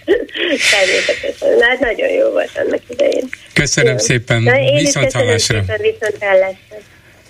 A telefonnál pedig Gyöngyösi Márton, a Jobbik konzervatívok elnöke és európai parlamenti képviselője. Jó napot kívánok! Jó napot kívánok, üdvözlöm a hallgatókat is! Alapvetően két dologról szeretném önt kérdezni, de lehet, hogy három lesz belőle. Az egyik, amit Palotás János, az ismert egykori nagyvállalkozó és jogász vezetett elő és javasolt, hogy szerinte az ellenzéki pártoknak meg kellene ragadniuk azt az alkalmat, hogy jövőre európai parlamenti választás lesz, és fölhívhatnák az Európai Bizottság figyelmét arra, hogy a legutóbbi és a korábbi magyarországi választásokon is a nemzetközi ellenőrök számos visszásságot fedeztek fel, és írásban is rögzítettek. Tehát miért ne tenné meg, vagy tehetné meg az ellenzék azt, hogy megkéri az Európai Bizottságot, hogy figyelmeztesse ezeknek a hiányosságoknak a megszüntetésére a magyar kormányt, mert különben ez nem lesz egy tisztességes európai választás. Palotás tovább ment, szerinte akár kötelezettségszegési eljárás is indítható, de nem menjünk idáig, maradjunk csak talán a közös panaszig, hiszen a nemzetközi megfigyelők jelentése elérhető, az ellenzéki pártok gondolom azzal egyetértenek. A kérdés az, hogy veszik-e a fáradtságot, vagy együtt tudnak-e működni abban, hogy megírjanak mondjuk hatan egy levelet. A múlt héten Kunhalmi Ágnest, az MSZP társadalmokét kérdeztem, azt mondja, hát egyelőre nem vagyunk abban az állapotban, hogy akár egy közös levelet megírjunk. Ön szerint Szerintem minden ilyen fontos cél érdekében egy, együtt tudunk működni, tehát szerintem ebben, ebben közöttünk nincs vita. Ha van valami, amiben a, a, az ellenzéki pártok egyetértenek, az az, hogy Magyarországnak az Európai Uniós tagsága az, az, az fel, felbecsülhetetlen értéket képvisel, és szerintem közösen sok követ megmozgatunk annak érdekében, hogy az Európai Unió tagjai is maradjunk. Én magam ugye 2019-ben eh, ezt, ezt, ezt neveztem meg már az akkori európai parlamenti választások tétjének, hogy engedjük-e azt, hogy Orbán Viktor kivezesse Magyarországot az Európai Unióból. Ugye tavaly ezzel kapcsolatban ugye népszavazási kezdeményezést is indítottam volna el, hogyha a, a, a, ugye a, a, a, a választási eh, eh, bizottság ezt ugye engedélyezte volna. Tehát mindannyian tisztában vagyunk azzal, hogy, hogy ez a tét, és óriási a veszélye ennek, és szerintem ez, ez, ennek mentén az ellenzéki pártok között eh, lehet is valami nemű együttműködést körvonalazni.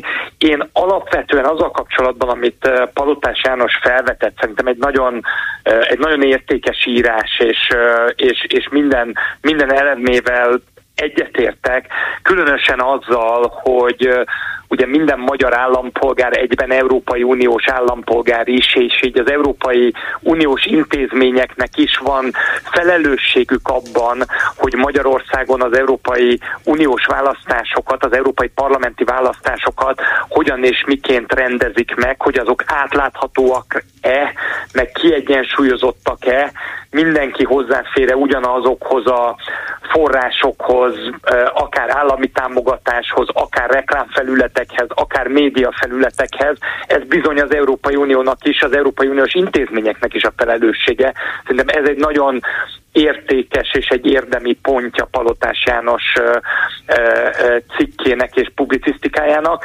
Hát én a kötelezettség szegési eljárásokkal kapcsolatban egy kicsit szkeptikus vagyok, ugye pont azért, mert a kötelezettség szegési eljárások nem bizonyultak hatékonynak, ezért indította el az Európai Parlament és a bizottság a jogállamisági mechanizmust, és ezért tud most már sokkal hatékonyabban a magyar kormányjal szemben fellépni az Európai Unió, mert hogy korábban a kötelezettségszegési eljárások rendje az, az nem bizonyult megfelelő célnak és megfelelő eszköznek. Tehát ilyen értelemben szerintem van az együttműködésnek terepe, szerintem nem is csak az ellenzéki pártoknak kell ebben együttműködnie, hanem mindenkinek, minden civil szervezetnek, médiának, minden állampolgárnak, aki, akiben van civil kurázsi, annak együtt kell működnie annak érdekében, hogy Magyarország számára az Európai Uniós tagságot azt meg tudjuk őrizni az Orbán kormányjal szemben, amik már teljesen egyértelműen azon dolgozik, hogy Magyarországot kivezesse az Európai Unióból. Nos, tehát egy ilyen levélnek a megfogalmazása és elküldése talán nem lehetetlen ön szerint, még hasznos is lehetne, bár nem kötelezettségszegési eljárással együtt, mert az nagyjából reménytelen. De egy másfajta együttműködés is felvetődött a múlt héten. Kunhalmi Ágnes is elmondta itt nekem, hogy az MSP, meg Komjáti Imre a másik társelnök valahol máshol, az MSP tulajdonképpen azt javasolná, azt szeretné, hogy az ellenzék indítson közös listát az európai parlamenti választáson, mert ha nem ezt teszi, akkor több mandátumot, amit megszerezhetne, elveszítene, méghozzá úgy, hogy a Fidesz, illetve a mi hazánk nyerne ezzel. És hát a számokat nézve, a felméréseket nézve ebben bizony sok realitás van, másfelől meg eddig az volt az ellenzéki pártok politikája, hogy hát végre méressük meg magunkat külön, lássuk, hogy ki mennyit ér ebben a jobbik konzervatívok elég következetes álláspontot képvisel. Mi ugye a tavalyi elbukott választásoknak a, hát az egyik, eh, hát az egyik fontos okát ugye abban láttuk, hogy a sok-sok oka volt, de azért volt egy nagyon fontos oka az, hogy a, a, a pártok külön-külön nem voltak képesek a saját szavazóikat e, e, megmozgatni e, és mozgósítani a, a választásokra.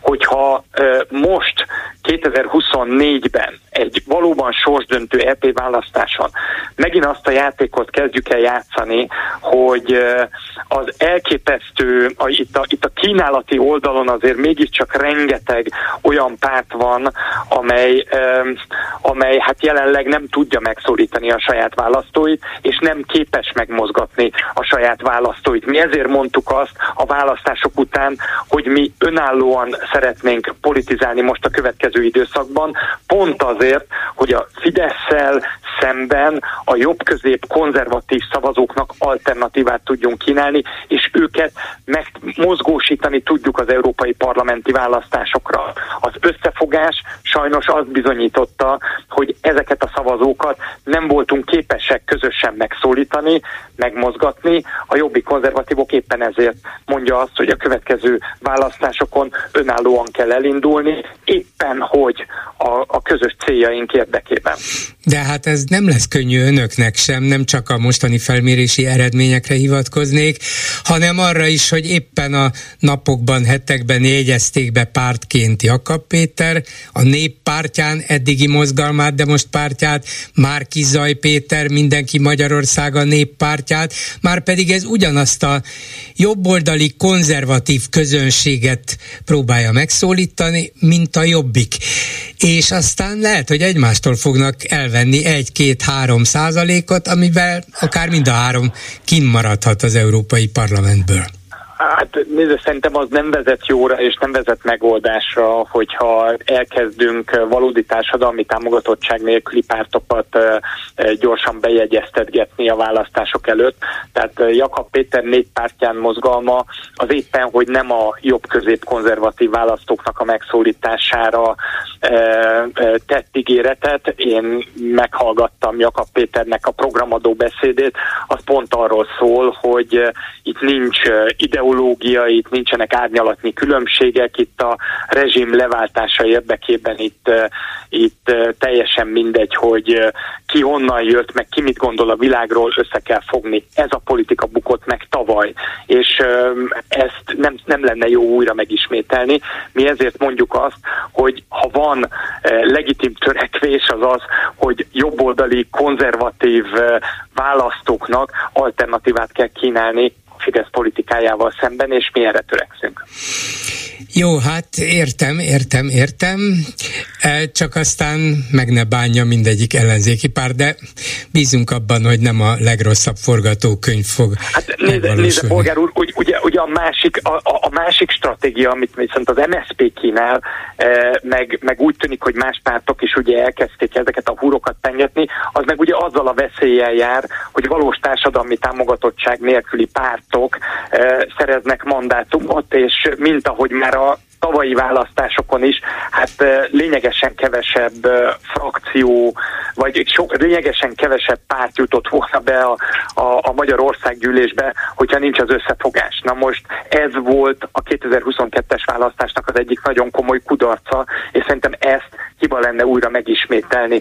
A párt, pártoskodás az nem öncél, pártot az vezessen, meg, meg, meg az irányítson, akinek van lényegi mondani valója, akinek van ideológiai eh, programja, elképzelése, és aki választókat akar eh, megszólítani és szerezni, eh, lehetőleg az Orbán kormány és a NER-nek a leváltására. Ez lenne a fontos feladat, nem az, hogy itt minden nem ilyen összeborulás révén egy-két pártpolitikusnak még mandátumokat lehívogassunk innen-onnan, olyan pártoknak az ászlaja alatt, amely lényegi támogatottsággal már nem rendelkeznek ha már az ideológiát említette, úgy látszik, hogy a Jobbik megtalálta ezt a ideológiailag is értelmezhető üzenetet, mert egy nagyon markáns kampányt indítottak el országszerte, lényegében a lakosság csere címszó, címszóval és üzenettel, hogy tudnilik az Orbán kormány úgy akarja például az akkumulátorgyárakat megépíteni és működtetni, hogy 10 és 10 ezer számra, aztán lehet, hogy 100 ezer számra importálja majd a vendégmunkásokat. A világ legkülönbözőbb, nagyon távoli részeiről.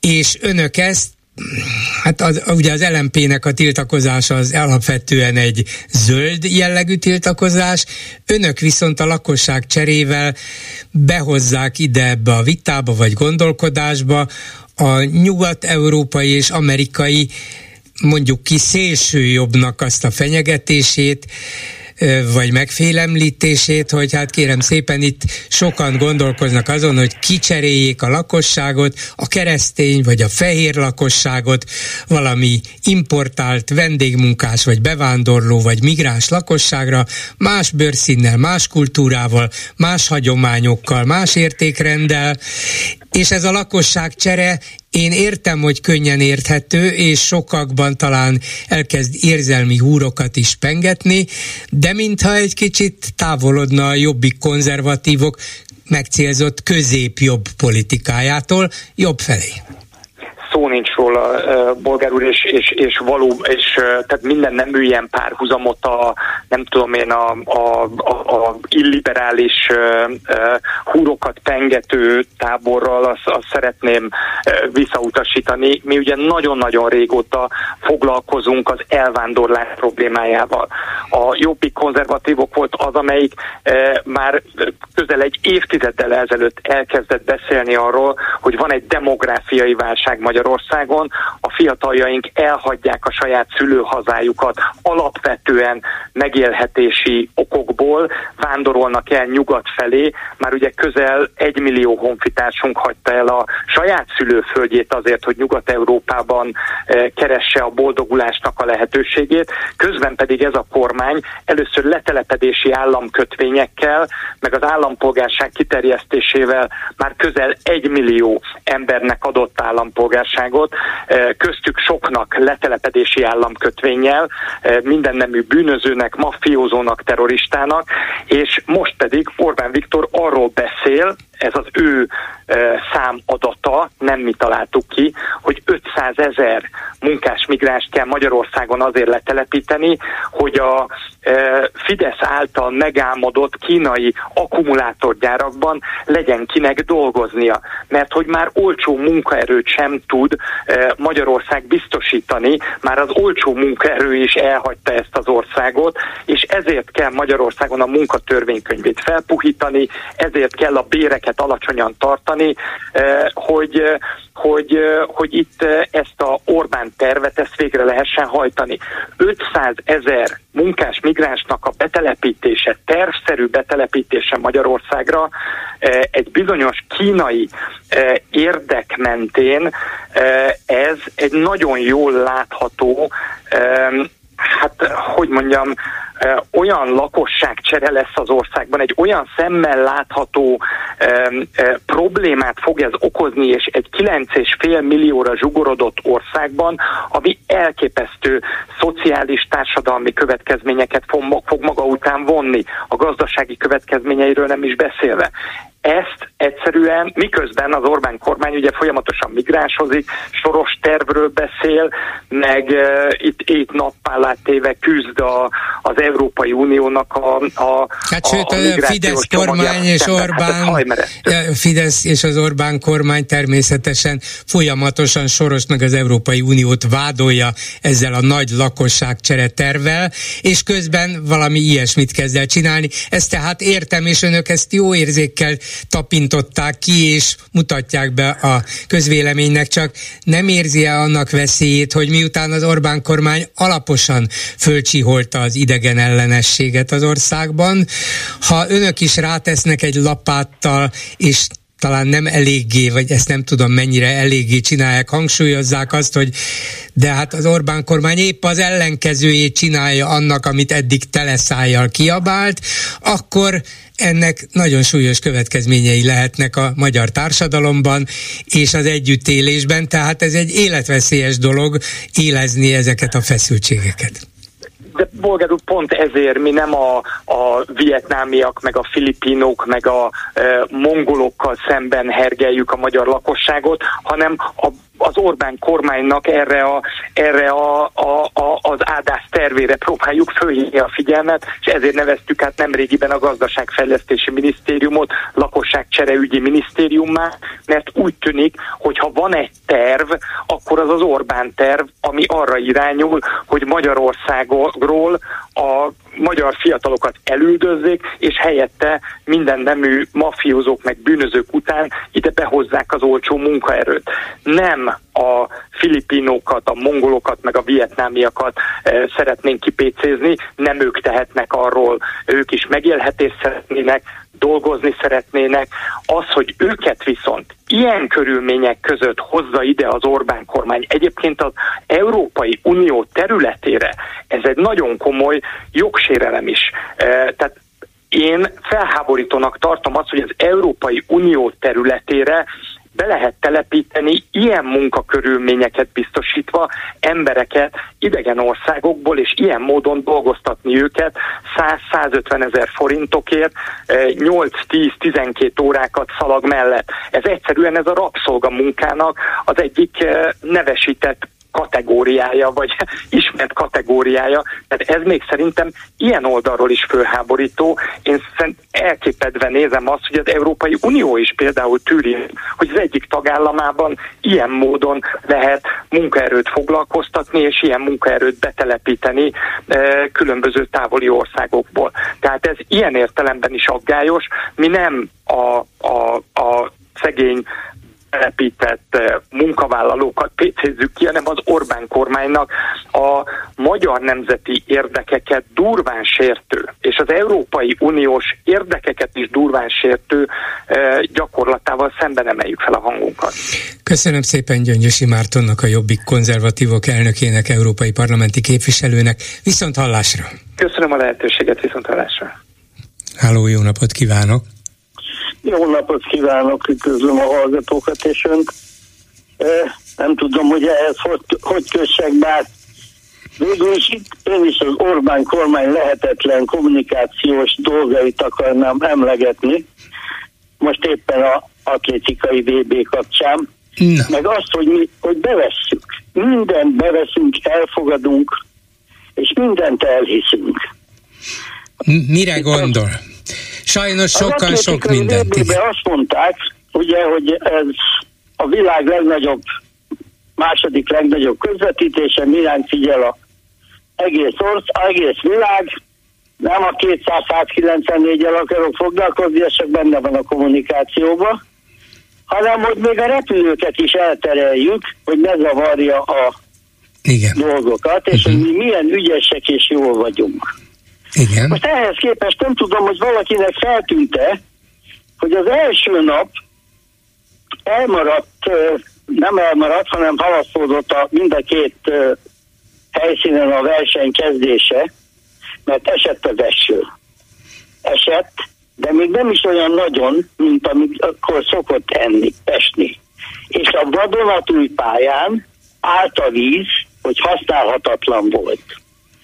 Én a sportban dolgoztam, és nem felejtettem el, hogy amikor a felcsúti pályát átadták, hangsúlyozom a felcsúti pályát, ugyanazok építették, az első meccset csak azért játszották le, mert politikai okokból nem lehetett elhalasztani. Tudnék állt a víz a pályán, és focira teljesen alkalmatlan volt. Uh-huh. Utólag kétszer kellett gyepet cserélni.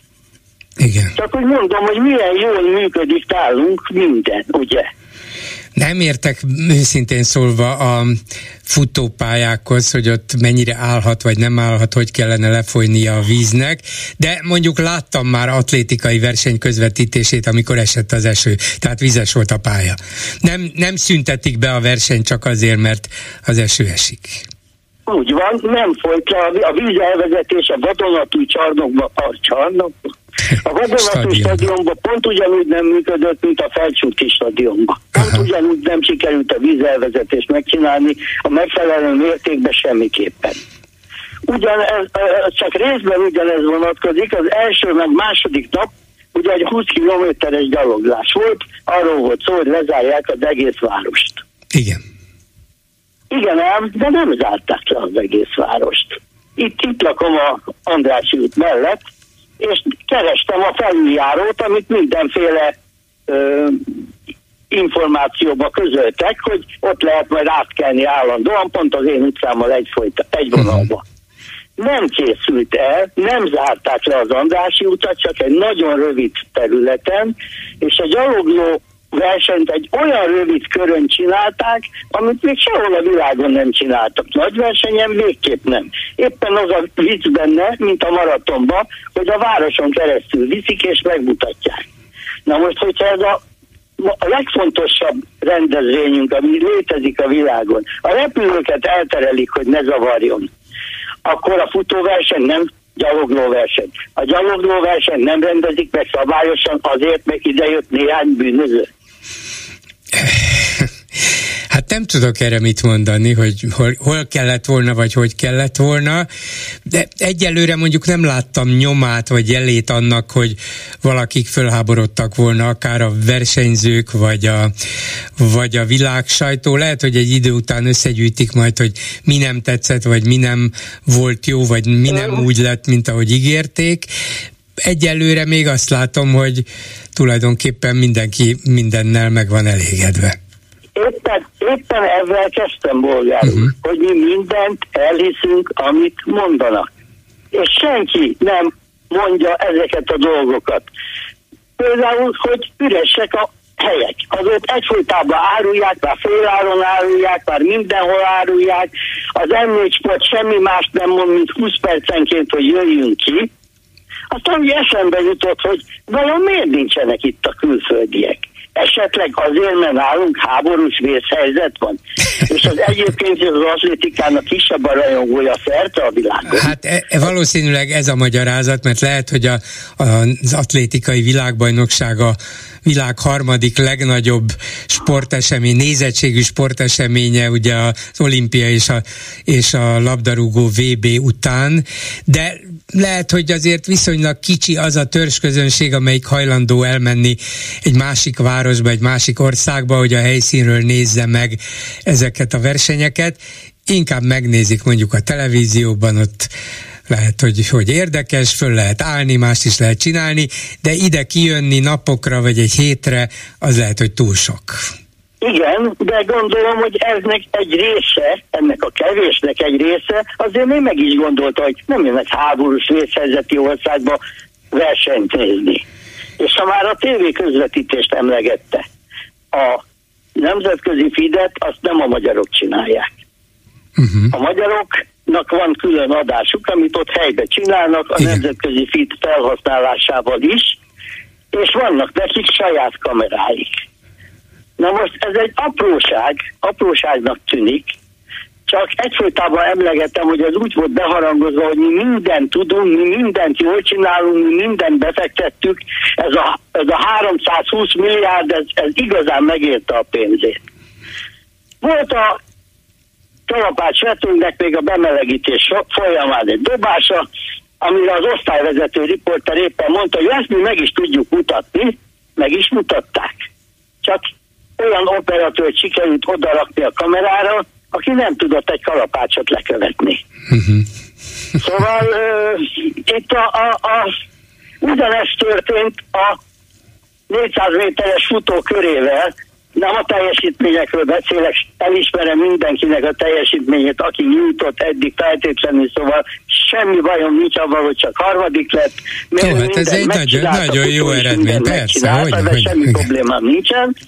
De azt mondták, hogy megmutatjuk a körét, csak őt mutatva. Megmutatták. Úgy, hogy végig a fejét lehetett látni, még a befutóba is. Ahol a, akkor se derült ki, hogy harmadik lett, hogyha a fejütetére. Megint ugyanaz. Ez volt, a ez volt a magyar, ez volt a magyar... A világ legnagyobb közvetítésére. Ez volt a magyar televízió teljesítménye, értem. Uh-huh. És akkor itt vannak, hogy ezeket a szövegeket mi mind elhisszük. És most egy kicsit áttérnék a klubrádióra, és nem önre, mert ön a kivétel, akire még ma is hivatkoztak. No hogy az egyéb műsorvezetők a betelefonálós műsorokba nagyon-nagyon rosszul kezelik minden olyan véleményt, ami ellenvélemény. Mint ahogy ön most a jobbikkal egy egész ö, bocsánat, nem talán a megfelelő normális, nem ezt akartam mondani, tehát egy teljesen elfogadható beszélgetést folytatott a jobbikkal, ahol mind a ketten elmondták a véleményüket. De az egyéb betelefonáló műsorba, ha betelefonál egy szélsőséges, nem jobbikos, egy szélsőséges Fideszes, elmondja a véleményét, akkor a műsorvezetők nem reagálnak rá. Vagy lekeverik, vagy azt mondják, hogy köszönjük, hogy elmondta, uh-huh. vagy végighallgatja, és nem adnak rá választ. Az nem megoldás, hogy mi nem adunk rá választ, hogy elmondják a, a lehetetlen hülyeségeiket, és még a klubrádióban is elhangzik anélkül, hogy megcáfolnák. Ez pont ugyanaz, amiről mostanáig beszéltem, mm, Igen. csak élesebben. Értem, hogy mire céloz, és hát azt szeretném, hogyha a kollégáim is úgy értelmeznék a műsorvezetést, hogy a betelefonálós műsor az egy beszélgetés, ahol különböző vélemények, érvek vannak, vitatkozni is lehet, egyet érteni és egyet nem érteni is lehet, hogy az egy beszélgetés legyen, és aztán ebből valamilyen következtetést levonhasson a hallgató. Nem egy, nem nyilatkozat tételek sora. És ez az interjúkra hát, is vonatkozik. Az megsértődött kétszer is, mert uh-huh. mondtak rá valamit, és egy másik nem szokásos, valami rendkívüli alkalomból egy hölgy volt, akinek valami szintén összejött egy ilyen nagyon ellenséges uh-huh. vélemény, és nem, nem igazította helyre. Meghallgatta, azt mondta, hogy köszönjük, hogy elmondta, és nem tudott rá mit mondani. És e, én ezen vagyok izé, hogy nem tud rá mit mondani, és ezt így nem szabad e, hagyni. Valószínűleg tudott volna rá mit mondani, csak talán úgy értelmezte a műsor vezetői vagy moderáló szerepet, hogy hát elmondta ezt a miénktől nagyon különböző véleményt, mi meghallgattuk, közreadtuk, ennyit tehetünk. Én nem így értelmezem, én szeretek beszélgetni, vitatkozni, érvelni valami ellen, főleg, hogyha úgy érzem, hogy annak nincs alapja, vagy hamis tényekre épül, vagy tények rossz értelmezésére épül, mert nem, nem szabad a hallgatót bizonytalanságban hagyni semmilyen értelemben. Nem azért, mert akkor meggyőzi őt éppen a heves Fideszes betelefonáló, hanem azért, hogy mégiscsak az a célunk, hogy a világról beszéljünk, az igazság megközelítéséről, a tények bemutatásáról beszéljünk. Én mondtam, hogy nem önről van szó. Jó, én, én megmondom, hogy, hogy jól csinálja. néha Csak különbözően nem, értelmezzük ezt. Nem, nem egyedül az a rádióba, és ezeket a ö, atlétikai példákat azért hoztam föl, mert ezek ugyanilyen butító szövegek, csak sokkal eldugottabban.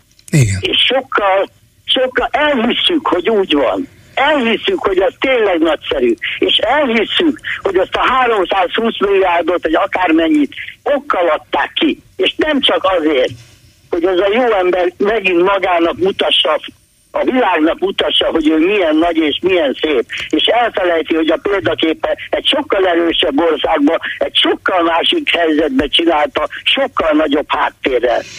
Hát igen, igen, igen, ez így van, persze. Ez, jó, köszönöm szépen, figyelni fogunk egyébként a következő napokban is az atlétikai világbajnokságra, a közvetítésre is, meg arról, hogy hogyan próbálják ezt eladni, mert szerintem az egész természetesen arra megy ki, azon kívül, hogy valóban egy nagy eseményről van szó, arra megy ki, hogy Orbán Viktor megmutassa a világnak, mi igenis tudunk és akarunk olimpiát rendezni. Mert ezt én így gondolom.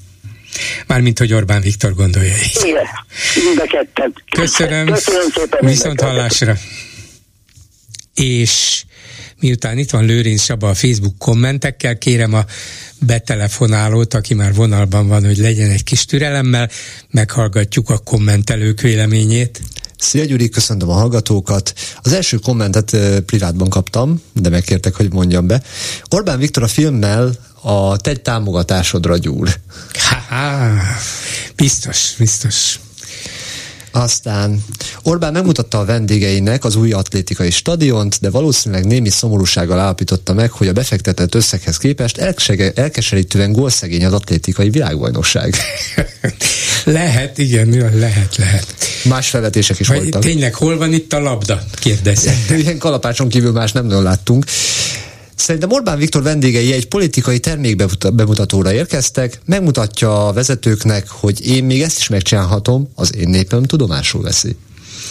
Hát a nép biztos, hogy tudomásul veszi, mert nem érti, nem érzi, hogy mit jelent 320 milliárd forint elköltése stadionra és rendezésre. Hiába mondja azt az ember, hogy 10 millió magyarral számolva, ez minden egyes emberre 32 ezer forint. Hát ennyit fizettünk be az atlétikai VB-re, miután nem vették ki konkrétan a zsebemből, ez csak egy elvi kivétel, ezért az emberek azt mondják, na de hát milyen szép az a stadion, meg, meg hogy tudunk drukkolni ott a futóknak, meg a dobóknak, hát szép dolog ez, hát nem, nem csak pénzből él az ember, az a mészáros, aki csak pénzből él, mi nem, de hát mi, miért ne legyen ilyen, és hát végül is van ebben is valami, hogy meg, meg lehet rendezni egy ilyen nagy versenyt, lehet élvezni is, akár kin is lehet lenni, és jól érezni magát az embernek, drukkolni is lehet, mindent lehet. Igen. Uh, vannak racionálisabban gondolkodó ö, kommentelők, akik azt, azt vetették fel. Szerintem Orbán Viktor vendégeivel hitelkérdemekről is tárgyalhatott. Kell a pénz, uniós forrás nem jön, lehet letettek arról teljesen, így a forrás, így forrás után nézett. Hát ebben biztos, hogy van valami, ami a Katari emirt illeti szerintem egész biztos.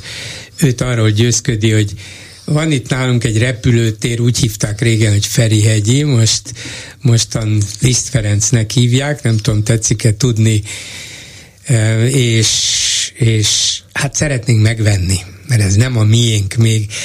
Volna esetleg felesleges 1500 milliárd forintja dollárban, és az emir azt mondja, hogy talán van, ennyi és ennyi a kamat, betetszik fizetni, ennyi és ennyi évre, majd akkor lehet erről beszélni, úgyhogy szerintem igen, van itt valami, és hát más országokkal pedig ugye Azerbajdzsán fontos, mert elvileg, elvileg mondom, gázt és olajat lehet importálni, bejelentették nagy lelkesen, hogy 100 millió köb, nem, az de igen, 100 millió köbmétert szállít Azerbajdzsán. Csak jelzem, hogy a körülbelül 10 milliárd köbméteres magyar fogyasztásnak ez az egy százaléka, úgyhogy ezzel semmi nincs megoldva. Törökország szállít állítólag 350-et, ez mondjuk 3,5 százalék. ezzel sincs semmi megoldva. De valószínűleg ilyen biznisz dolgok vannak mögötte, de akkor is miért kellett összehozni itt a diktátorok klubját? Miért? Hát szép társaság gyűlt össze, az biztos. Orbán valódi ényét, műveltségét a hatházival való lókázással mutatta ki. Amiket ajánlott, tűz van babám, azt meg, megmondták neki, hogy ezt mondja. Nem, ezt nem hiszem, ez, ez magától jött, és nem, nem voltak felkészülve arra, hogy azok a fiatalok, akik őt kérdezték, mit fognak kérdezni, mi a kedvenc filmje, és mondta, valószínűleg az az igaz, amit az egyik hallgató mondott, hogy az utóbbi években, évtizedekben nem nagyon járt moziba, és ez még megmaradt a fiatal korából, és ezt hozta elő, de hát legalább akkor jó ízlése volt, ez is valami. Egy másik kommentelő szerint a kedvenc filmje Sára Sándor rendezte Tüske a köröm alatt. Ennyi lett volna a komment szekció. Kivette már rég azt a tüskét. Köszönöm szépen, és akkor a betelefonáló a vonalban. Jó napot kívánok! Jó napot kívánok, itt Sabő András, a francia alapomtól. Parancsoljon, elnézést, hogy megvárattam itt a távolból. Hallgatom. Hát, semmi baj, nézem az órát, hogy nehogy a hírek késlekedjenek. Én visszatértem volna eredetileg Erdogánhoz, ha szabad. Hogy ne szabadna? De, de ez közben kibővült az egyéb beszélgetések hatására. Úgyhogy röviden, csak annyit, hogy a 150 éves török megszállás és Erdogán meghibásának nem látom ekkora ellentmondását. Tehát nem a 150 éves török megszállás a baj, pedig ezt többször ön, ön is mondta, és azt hiszem a hetes stúdióban Szénási Sándortól hallottam, hogy, hogy ez, ez egy rossz szimbólum, mert ugye ők megszálltak minket, és, és, és ez Magyarország megalapításnak története. Ilyen sok van, hogy egy idegen áramfő részt vesz, például a németek gyakran részt vesznek második világháborús megemlékezéseken, ö, és, és ez egy szép dolog, hogy a múltat el lehet ö, ö, temetni, lapozni lehet, és tisztelni lehet a másik érzéken, történelmi érzékenységét is. Tehát ha mondjuk Atatürköt hívta volna meg Orbán, ami persze most már lehetetlen, de hogy egy hoz, ahhoz hasonló, hozzá hasonló személyiséget, aki Törökországot ö, a világba ö, belehelyezi, és, és ö, ö, és türelmet mutat más vallások, más gondolatok iránt, akkor ebben semmi nem lenne, még akkor sem, hogyha egyedül, egyedül Atatürköt hívta volna meg. A baj az, amit Erdogán képvisel, tehát nem a 150 éves török megszállás, hanem az, hogy egy diktátor, aki egyáltalán nem toleráns, és a többi vezetőse, és tényleg sok vezetőt hív meg, és csak őket. Tehát, Így van, egyetértek, én szerintem én ezt a 150 évet, bocsánat, csak azért idéztem, nem én mondtam, a Momentum írta ki egy nagy molinóra. Akkor én is azt gondolom, igen, én is azt hiszem, hogy nem ez a baj. Igen, nem ez a baj, nem ez a baj. Hogy nem. Igen, nem a, nem a 150 éves igen. megszállása Így van. a baj. Ö, akkor a másik téma a, a, a két ö, film, Szerintem valamennyire naivitás azt gondolni, hogy azért mondja ezt a két filmet, mert ezeket szerette. Lehet, hogy szerette őket, de az, hogy mondja most, és hogy azt mondja, amit szeret, ennek valami más jelentősége van, ezt ő végig gondolta, azt mondta az előbb a kollégája, hogy önhöz hasonlókra gyúr, esetleg tényleg, vagy hogy önre gyúr, esetleg nem önre, de az önhöz hasonló fiatalokra talán úgy gondolja, hogy, hogy, hogy az ő rezsimje így azt tudja sugalni, hogy az ő rezsimjével a humoros, szabad szemlélettel kompatibilis. Igen, ha ő is e... szereti Kunderát, meg Formant, meg Mencelt, akkor majd rászavazok. Hát téved, ebben talán igen, ezekre ebben a csehekre igen, de igen, őre nem. De, de van olyan, talán van olyan fiatal, mert ugye ez az a, ez az a vonal, amikor azt is hangsúlyozza, hogy őt a fegyelem, a szabályok betartása nem annyira vonza, ő egy vagány, aki, aki mindig a, a, az iskolai fegyelem zavar, nyakkendőt se vesz néha, tehát ezt a, ezt a vonalát akarja talán hangsúlyozni, és talán úgy, úgy érzi, hogy van, akiben ezt szimpátiát kell. Lehet, nem, lehet. Tudom, nem tudom már, de semmiképp sem, semmiképp sem arról van szó, hogy csak kijött a száján, kijött belőle,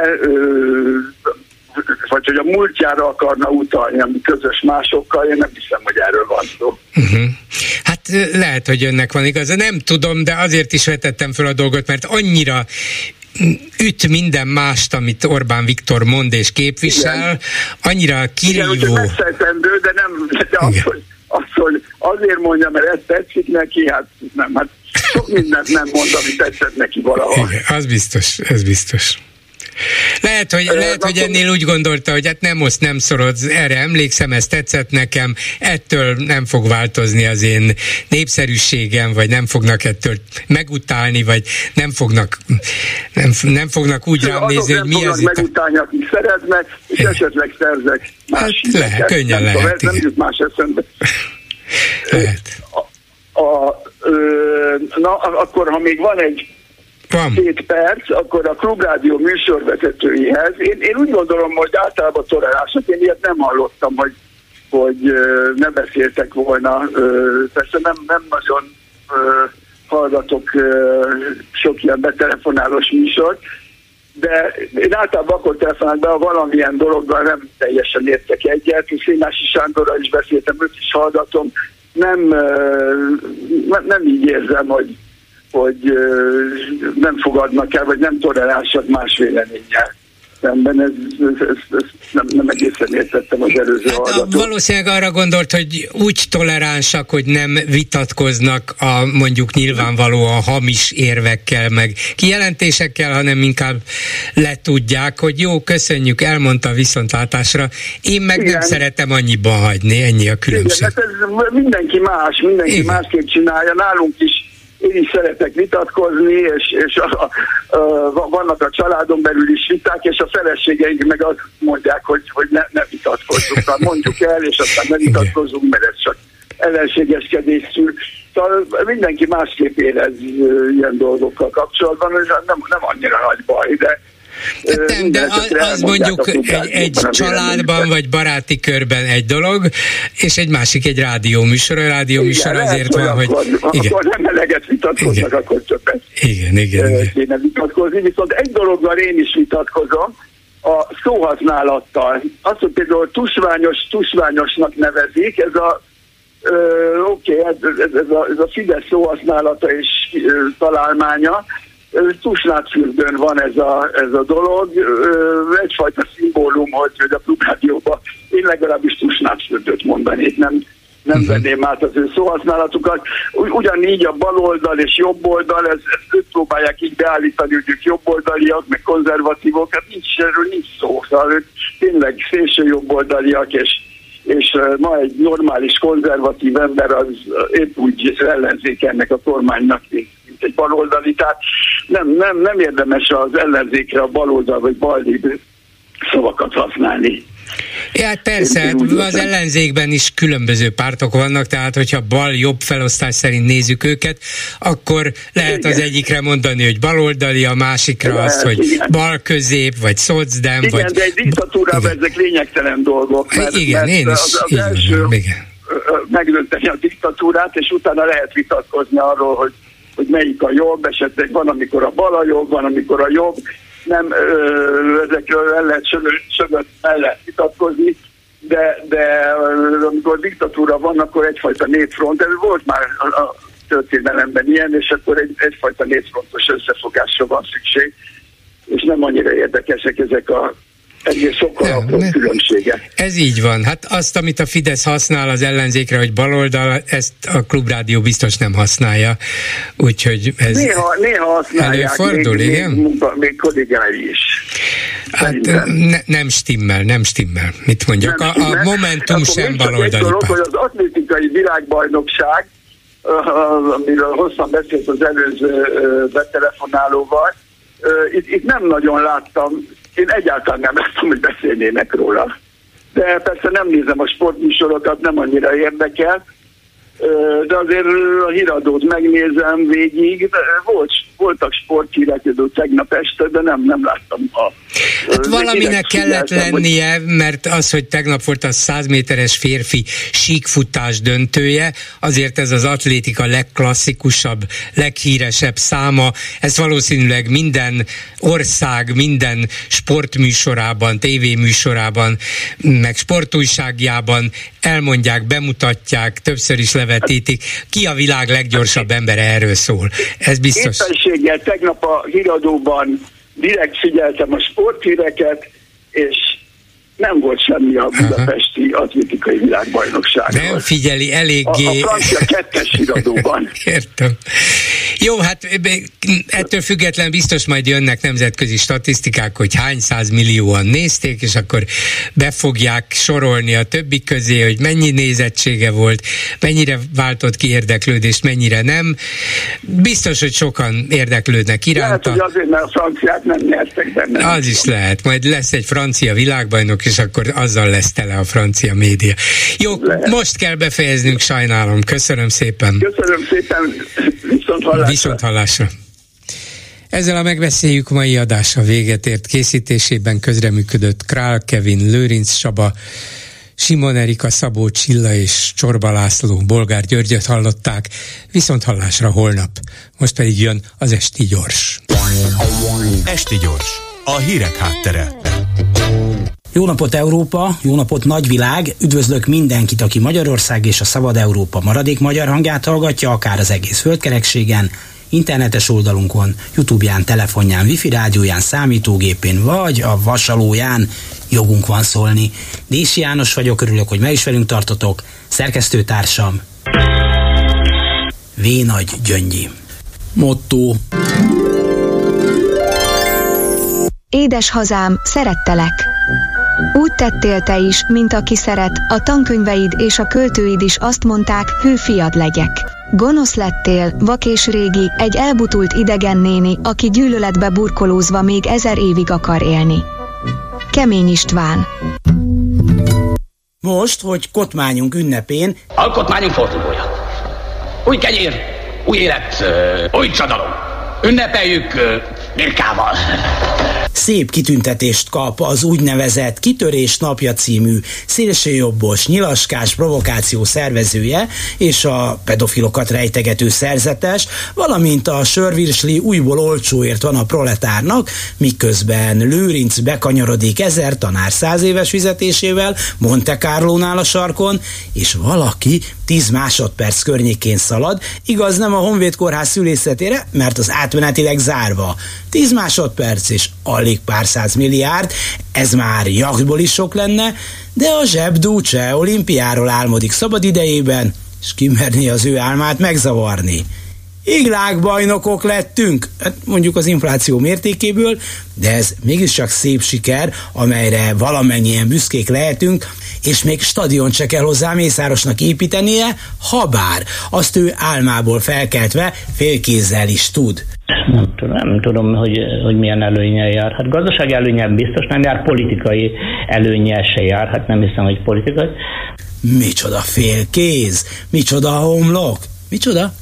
Mint tudjuk, a zéró tolerancia határozott kormányzati elvének megfelelően azonnal elbocsátották azt a biztonsági őrt, aki a nyakán SS jelet viselt, az ilyesmi valóban tűrhetetlen. Kétségtelen, a hónaj tetoválása vércsoporttal annyival jobb volt az elődöknél, hogy azt nehezebben lehetett nyilvános helyen fotografálni. Szóval SS jel nincs a tarkón. Nagyon helyes, miközben azokban a pillanatokban, amikor a megtévedt zsoldost éppen kirúgták, pár száz méterrel arrébb a mosolygó köztársasági elnök magas állami kitüntetést ad egy fickónak, aki évről évre neonáci provokációt szervez az úgynevezett kitörés napját. Zéró tolerancia, hát ez olyan, mint a zéró növekedés. Kitüntetés a neonáci esemény kreátorának, amivel ide vonza évről évre fél Európa derék fasisztáit és a mi hazai nyilaskásainkat is. Jutalmat érdemel, ide nekünk a fasisztát is. A szélsőjobb szavazó is csak Fideszes a lelke mélyén, ráadásul erőszak értelmére, engesztelhetetlen gyűlöletére és korlátolt izzadság szagára komoly a szükséglet, amikor folyik a cigányozás, a buzizás és a fóliába csomagolás. Ugyanitt türk tanács átvehető. Pozitív zéró tolerancia, amelynek előjele a mi neonácink. De se kiköpni, se lenyelni nem bírjuk őket. Téd a neonáci magadnak műveled? Van azonban egy mm, pici probléma. Moszkva, Moszkva, u nas ni bolseja probléma. Most ne tessék ezt úgy nézni, hogy náci bácsit államilag kicsit kitömjük pénzzel, kitüntetéssel, mi ugyanis, hát egyrészt tudjuk, hogy azokat az országokat megtetszenek támadni, aztán hogy gyilkolászni, öldökölni, rombolni, ahol fasisztákat vizionálnak. Ahol egy fasiszta felüti a fejét, oda lecsap Putyin bácsi, de ide ne tessék, mert ez kebelbeli nácicska, az meg még csak nem is büdös nekünk az, hogy ki a fasiszta, mi mondjuk meg. Másrészt azon a kitörés napján, amire már így államilag megbecsülve fogunk emlékezni, mégis a oroszokat öltek, aztán persze ők a kitörőket, akik a fasiszta uralom tömeggyilkos végvárai voltak, de azért nekünk ugye megtetszik tudni bocsátani, hiszen a KGB és luxusórás főpapot is leszerettük a szankciókról, hogy Isten minden elejével tudjunk közdeni a fasiszták ellen. Esti gyors, a hírek háttere.